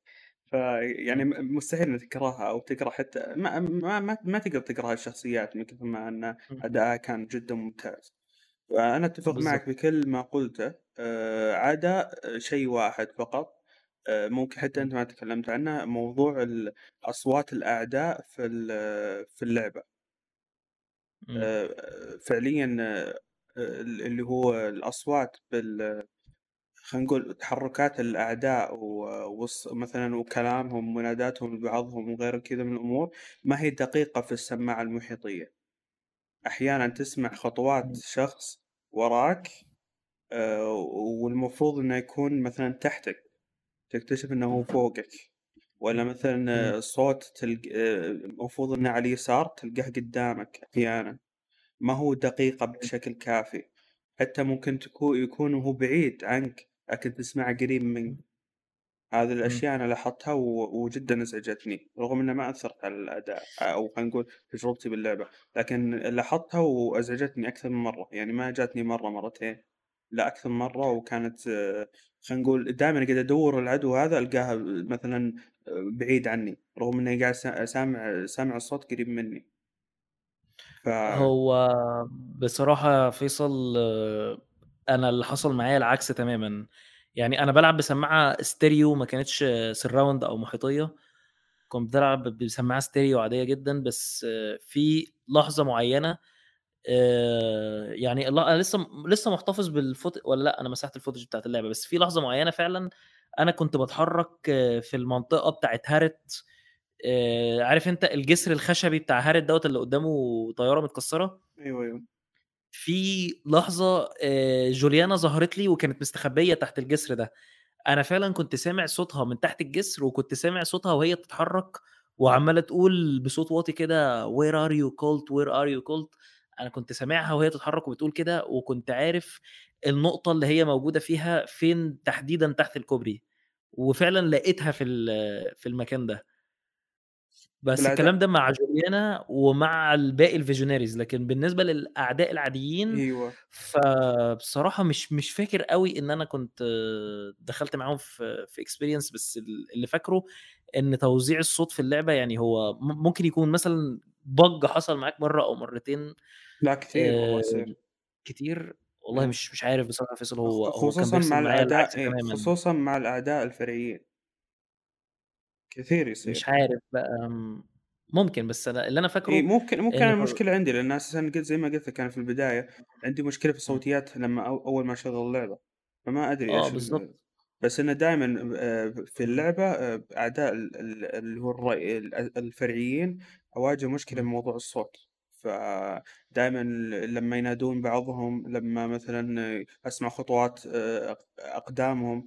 خصوصا بال... في بعض المباني اللي يكون فيها أدوار وغيرها من الأمور اسمعه هو المفروض يكون نفس الدور. أكتشف إنه هو الدور اللي بع... اللي فوقي ولا الدور اللي تحتي فهذه مشكلة إمم. قاعد أدور أدور ما ألقاه بعدين أكتشفه تحت ولا فوق هو ال المشكلة اللي أنت بتحكي فيها دي هي هي حصلت لي قبل كده في Rainbow Six Siege آآ الموضوع كان كان ليه سببين، مرّة بسبب update بوّظ اللعبة، خلّى الصوت. اليمين يمين واليمين شمال والشمال يمين وكده، والمرّة التانية كنت أنا اللي لابس السماعة معكوسة وما كنتش واخد بالي ف لا، لا، أنا الأصوات سمعت كانت عندي بايظة خالص. لا، لا، أنا ما ما وصل للفئة هذه لا آه. أتكلم عن تكرار الموضوع هذا وأكثر من مرة و ونفس ال الوضع يعني، فكان مزعج شوي بالنسبة لي. هو عامةً برضه اللعبة كأداء على الPC ما كانتش أحسن حاجة يعني، إمم. أقول لك أنا في صديق ليّا إمكانياته أضعف يعني ضِعف مش أضعف، ضِعف إمكانيات الجهاز بتاعي، يعني إمكانياته أحسن من الجهاز بتاعي مرّتين. فجأة لقى اللعبة مش راضية تشتغل عنده، بعت إيميل للدعم بتاع اللعبة على Steam قالوا له إن إن ال error اللي بيحصل له ده بسبب إن إمكانيات جهازه ضعيفة ومش قادر يشغّلها. أيوه. فأنا باستخدم كارت 1070 هو بيستخدم كارت 2070 سوبر. نفس الشيء آآ مع هو أذكر آه، بعد خالد processor كان يواجه مشكلة إمم. مع موضوع اللي هو الت اللي هو اللعبة، إمم. لكن أنا مواصفاتي أقل بكثير حتى من يعني أقل حتى من المتطلبة أو بنفس. المستوى تقريبًا، إلا أنها كان أداءها جدًا ثابت تقريبًا عندي. فهي بس بقى حتى مع قوة الجهاز ما يفرق أتوقع، إمم. المشكلة عندها آه. في المشكلة في ال في ال نفس ال النسخة أو نسخ اللعبة. آه. ما هو كانت نسخ Steam يعني كلنا لعبناها Steam بس إيه. هو اللعبة كان فيها مشاكل أداء كتير وكانت بتف بتختلف من شخص للتاني، يعني دي دي حاجة لا يمكن إنكارها و وفي updates نزّلوها صلّحت وupdates نزّلوها بوّظت أكتر يعني، بس يعني يعني في العموم هي مشاكل سهل التعايش معاها، بس اللي أنت قُلته ده إيه. هو مش سهل التعايش معاه خالص، يعني اللي أنت قُلته ده لو كان حصل لي إمم. أنا كنت ممكن أقفل اللعبة واستنى ينزل أي update يصلّحه بصراحة يعني. دي لا، دي لأ، مشكلة كبيرة جدًا يعني. فعلًا أنا والله واجهت الإشكالية إمم. و ومشكلة أكثر من مرة يعني يمكن فوق إمم. ال5 مرات أو 6 مرات، إمم. فكانت مزعجة بالنسبة لي بس إنها برضه ما أثّرت علي لأن بالنهاية أعداء فرعيين، فهمت الفكرة؟ إمم. بس ما أذكر أيوه، واجهت أيوه. هذه نفس المشكلة هذه مع أعداء الرئيسية أو حتى جوليانا، ما أذكر، إمم. أغلبها أعداء هذا. الموضوع نفسه هذا أتوقع يعني ترى بشكل بسيط عادي يتعدل بأي update يعني، يعني شوف إحنا قاعد نتكلم ترى على ما يقولون آآ بشهر الإطلاق يعني، يمكن ممكن اللي يجربها بعد شهر أو شهرين أو يمكن العام القادم لما تنزل على ال Game Pass راح يلقى را راح يلقى هالمشاكل هذه كلها متلافية، أو حتى يمكن يجربها على ال console يختلف عند معاه الموضوع يعني. شوف يا صديقي في ناس. قالوا إن سايبر بانك راح تتعدل وما أدري إيش وللحين اللي هي مفقعة، فخلينا نكون واقعيين ونتكلم عن اللي قاعد يصير حاليًا. لأ إمم، بس ساي سايبر بانك أصلًا هي اللعبة كانت نازلة يعني هي ق سايبر بانك دلوقتي أنا واحد لعبت سايبر بانك في نفس اليوم اللي نزلت فيه.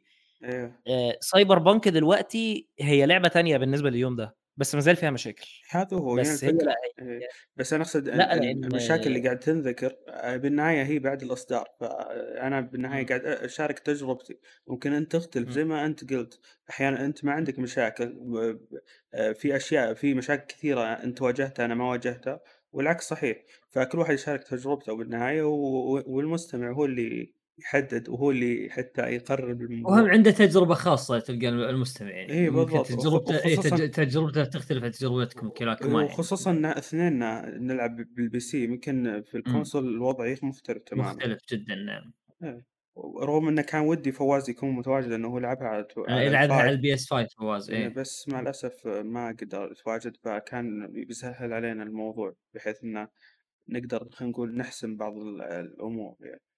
حلو. لأن دايمًا حلو. ال console يكون هو التجربة الأكثر مثالية غالبًا، غالبًا. إيه لأنه optimized أكثر على ما يقولون. بالضبط، لأنه هو خلاص أي. كل الأجهزة نفس المواصفات. نعم صحيح. تقريبًا يعني أقصد البلاي ستيشن مثلًا كلها نفس الشيء، إكس بوكس كلها نفس إمم. الشيء، بعكس إمم، ال PC بالضبط. ال PC مليون ألف مواصفات؟ صح، فهنا اللي صح. يس يسبب إشكاليات مع المطورين. جميل. بس خلاص. آآ فيصل التعريب بما إنك أنت جربتها كمعربة، آآ الرسوم الخطوط نفسها، التعريب نفسه هل كان آآ بليغ، واضح، كافي، أم حسيت إنه ركيك؟ لا، لأ كان ممتاز ومتماشي مع اللعبة، لكن كان عندي إشكاليات في بعض الأمور و وخلينا نقول حتى بعضها كانت سيئة من ناحية التجربة، مثلًا بعض بعض الكلمات آه، أو بعض المهام تصير بعض المهام أو بعض مثلا الأكواد أو غيرها من الأمور لما تنكتب بالعربي آه، راح تطلع لك آه، مثلا آه، مثلا خمسة أربعة ستة بعدين لا لا لا لا لا لا. طيب؟ حلو. لا لا لا لا هذه ب- بالإنجليزي حرف. ها إيوه هذه المشكلة. فلما أنا أكون في داخل اللوب ألقى هذا الشيء. لكن لما أطلع من اللوب آه، أروح على اللي هو خانة المهام ألقى الرقم الرقم اللي المفروض يطلع لي. حلو. فهمت علي؟ هذا واجهني أكثر من مرة حتى موضوع مثلا آه، سلاح معين أو شيء من هذا هذا القبيل. الشيء يعني فيصل بس عفوا هذا الشيء تحسه كان مقصود يعني مسوينه أو لا عادي لا كذي هذا في مشكلة. ولا ولا كمشكله كخلل يعني؟ هذا م... هذا مشكلة في ال... لأن على أي أساس تكتب لي مثلا لا لا لا لا لا؟ حتى إذا مم. ك- مشكلة إن ما عندي صورة ولا إذا حلو. كان إذا كان أمكن إني أجيب صورة بوضح هذا الشيء. جميل إيه آه، بنحطها لأن إيه. لأن جدا يأثر بس أنا مو ودي برضو إن أحرق على أحد بعض المهام لأن مشكلة في- يكون في مهام فهمت الفكرة؟ يعني يعني فيصل بس نعيد الفكرة مرة ثانية افهمها على أساس إنه تكون الفكرة واضحة أمام المستمع، شنو الفكرة مرة ثانية؟ شنو لا لا لا هذه؟ أيوه الفكرة إن مثلا يكون فيه آه، أرقام و- وحروف حلو تحطها أرقام تحطها وحروف بكود تحطها كود معين بكود حلو. لما تروح لما تكون في القائمة الرئيسية تطلع لك حلو. مضبوطة شلون مثلا تطلع مضبوطة؟ مثلا دي ستة خمسة ستة مدري إيش فهمت؟ okay حلوين. لكن لما تدخل ال loop تدخل حلو. المرحلة آه، تروح تشيّك على اللي هو الرقم آه، من خلال؟ من خلال القائمة آه، لما تضغط إيه. start بيطلع حلو. لك بيطلع لك اللي هو الرقم بس إنه بعده ال- الحرف اللي المفروض يطلع تطلع بشكل غريب. أحيانا تلقى لا لا لا لا, لا مكتوب ولا شيء كذا. آه يعني آه، أحرف غريبة هذه الخ... الأحرف اللي ما هي عربية أصلا. لا مكتوب لا لا لا لا لا كذا مكتوب. ها كذي مكتوب. إيه. إيه تكرار اللا فهمت؟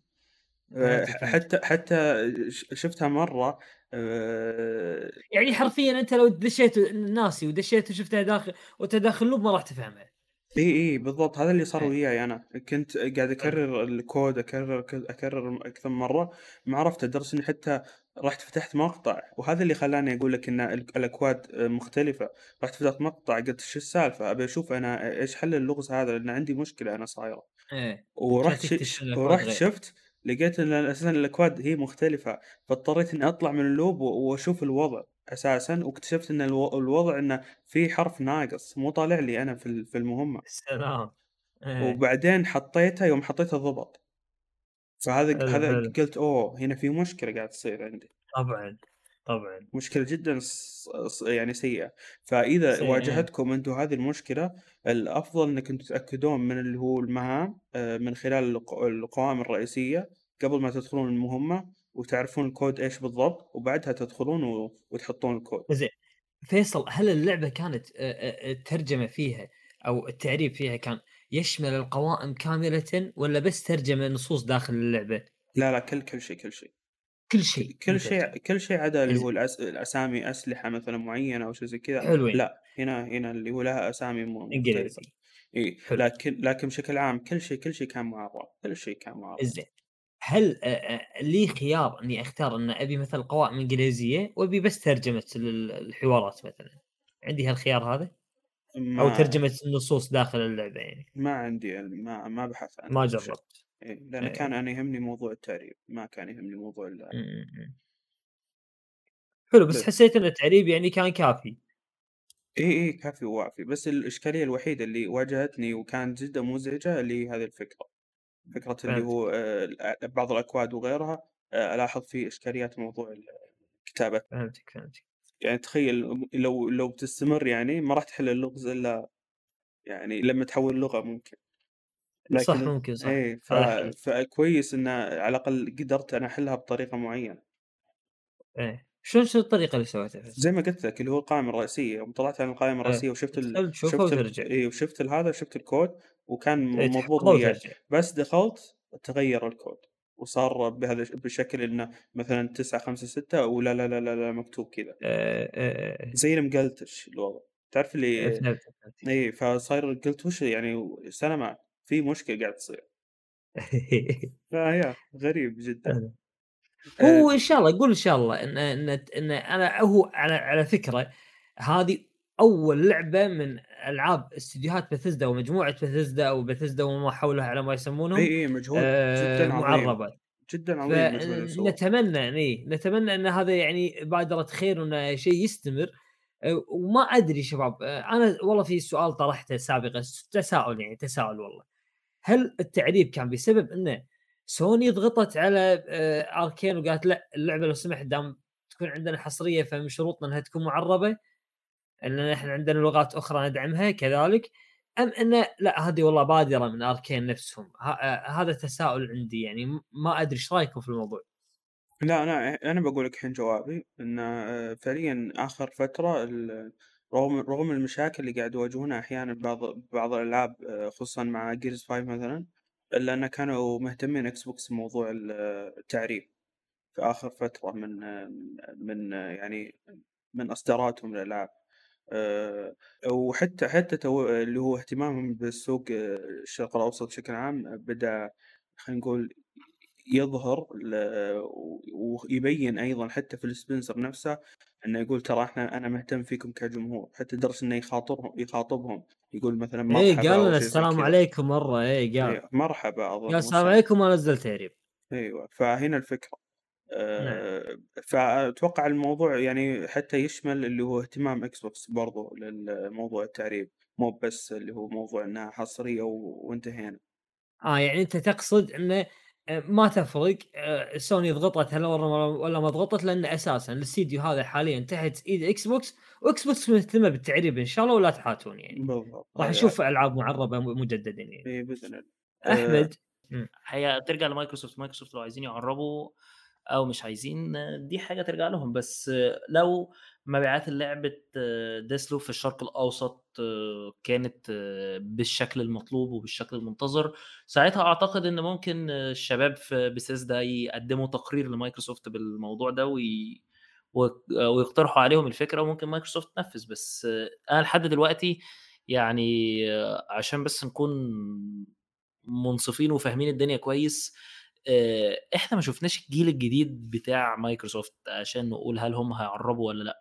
إحنا ما شفناش الجيل الجديد ولا شفنا الجيل القديم يعني عشان عشان ما نضحكش على نفسنا. ما شاء الله عليك. كيف والله. ف... قلت قلت لي قلت الكلام اللي أنا ودي أقوله أصلا. شوف الك... آه. الكلام اللي أنا قلته إنه اللي هو بعد محاولتهم في Gears 5 تعريب اللعبة حقتهم رغم مك... واجهوا مشاكل كان في اللي هو التعريب أحيانا يكون الحروف مقلوبة ومن اليمين لليسار إيه، اليسار يمين. لا مقلوبة وحوسة. اي مقلوبة فش اسمه مع ذلك إنه اظهروا اهتمام. وغير كذا إنه في سبنسر آخر فترة اهتمامه بالسوق وإنه يخاطب حتى جمهور جمهور الشرق الأوسط بشكل عام آه، كان واضح إنه في اهتمام بالسوق بالسوق العربي. فممكن نشوف ترجمة مستقبلية للألعاب. هذا غير أن بثيزا الشرق الأوسط شغالين والله ما شاء الله عليهم. آه، حتى يعني مع التفاعل مع الجمهور وغيره. فأتوقع أنه لا آه، الألعاب بثيزدا بشكل عام آه، وألعاب إكس بوكس راح راح تكون معربة الفترة الجاية بإذن الله. أتمنى والله يعني دي دي حاجة أنا بتمناها بشدة. إن شاء الله أتمنى ذلك دي, دي طيب. تاني أكتر أمنية عندي من ناحية مايكروسوفت. آه، بعد إنهم ينزلوا ألعاب أساسا. أوكي. إيه، صح صح. دي الأمنية رقم واحد. إيه. هذه الأمنية رقم واحد لا قصدك ألعاب قصدك ينزلون ألعاب بس آه، فقط الجيل الجاي بحيث إنه يستغلون فيها مواصفات جهازهم. إيه ما راح يسوي والله يعني يا ريت ينزلوا ألعاب الأول وبعدين نشوف هيستغلوا مواصفات جهازهم ولا لا. أي شيء أي شيء نبي نلعب يا حجي أي شيء. هم ينزل هم ينزلون بس آه، صحيح مو بالقدر الاستحواذات اللي هم سووها للان بس إن شاء الله الخير جاي. هم آه. كشفوا عن حصريات بتنزل السنة الجاية واللي بعدها. حصريات ترى محترمة. ومستقبل فيصل إكس فلكساوي جديد ترى حاليا لا مو إكس فلكساوي جديد. أنا أتكلم عن إيه. أنا أتكلم عن عن, عن شيء عن شيء هم وراكم اياه فهمت؟ أنا ما ما لي دخل. مو مو لا تقول لي أنا حتى متعصب. للحين أنا أبي أشتري بلاي ستيشن 5 لما يصير عندي فلوس وأجرب Returnal وأجرب Demon's Souls وكل شيء. بعد تقعد تطلع علي كلام. وأنا أساسا هذا أول جهاز أمتلكه لإكس بوكس. إن تمام شاء الله. الله يهنيك فيه يا رب. إي. فأتكلم عن عن اللي شفته أنا. وأحلله. فقط. هذا اللي لي. آه كان فيصل عندك شيء على القوائم قوائم. كنت بتتكلم عنها؟ إيه القوائم بس أقول إن تصميم القوائم كان جدا جميله يا أخي ومناسبه لجو الل- اللعبة و- وبسيطة و- وجدا يا أخي مريحة للعين. فأشكرهم على هذا الشيء برضو. وحتى كان مميز ما ما شفته بأي لعبة. اختيارهم للخط العربي برضو كان ممتاز ومتناسب مع مع اللعبة وأجواءها. الخط العربي نفسه. فكان حتى برضو مريح للعين. حلو. بعكس لعبة الله يستر علينا وعليها نتكلم عنها بعدين. تكفى شنو بعدين تعرف إيه إيه بعد يلا. أوكي. طيب. آه، إحنا ال- إلى الآن خلصنا تقريبا جميع المحاور. ختاما آه، شكرا جزيلا لكم على آه، إسهامكم والله في مراجعة هذه اللعبة أو أو مناقشتها. وشكرا لحضرات المستمعين على وقتكم الثمين اللي أعطيتونا إياه في استماع هذه الحلقة. وأحب أذكركم بال like وال share والاشتراك وأيضا في هذه الحلقة وإن شاء الله بإذن الله إنها راح تكون سنة وسنة حسنة يعني إن في جميع حلقات آه، تحت المجهر إنه يكون عندنا الشيء هذا اللي هو giveaway على اللعبة اللي إحنا راح آه، نتكلم عنها. فإحنا بما ان إن اليوم تكلمنا عن لعبة Deathloop فإن شاء الله بإذن الله بنسوي giveaway على لعبة Deathloop أو قيمتها. يعني بما أن البعض مش متوفر له الجهاز اللي يشغل هذه اللعبة إلى الآن. من أي متجر store حقه. من أي متجر من أي store ما تفرق بإذن الله. يا Deathloop يا 60 دولار هي قيمتها 60 دولار. 80 دولار مع ال store السعودي. لا لا 60 ترى. 70 مع حتى حتى. بال store السعودي 60 على كيفك؟ لا روح شيء. والله؟ خلاص يلا تم 70 عند قولك. كفو. حلوين؟ إي بس على شنو تكون يكون ال giveaway على أفضل تعليق على محتوى هذه الحلقة. يعني تعطينا تعليق تحت هذا ال- هذه الحلقة هني تحتها أفضل تعليق. إحنا راح نشوف إنه تعليق اسهم في آه هذه الحلقة. واحد شخص حرص على إنه يسمع الحلقة بشكل معين أو أفادنا أو انتقدنا بشكل معين آه راح يكون بنصيبه بإذن الله هذا الجيف اواي وشكرا جزيلا لكم على الاستماع. ومع السلامة. إلى اللقاء. إلى اللقاء.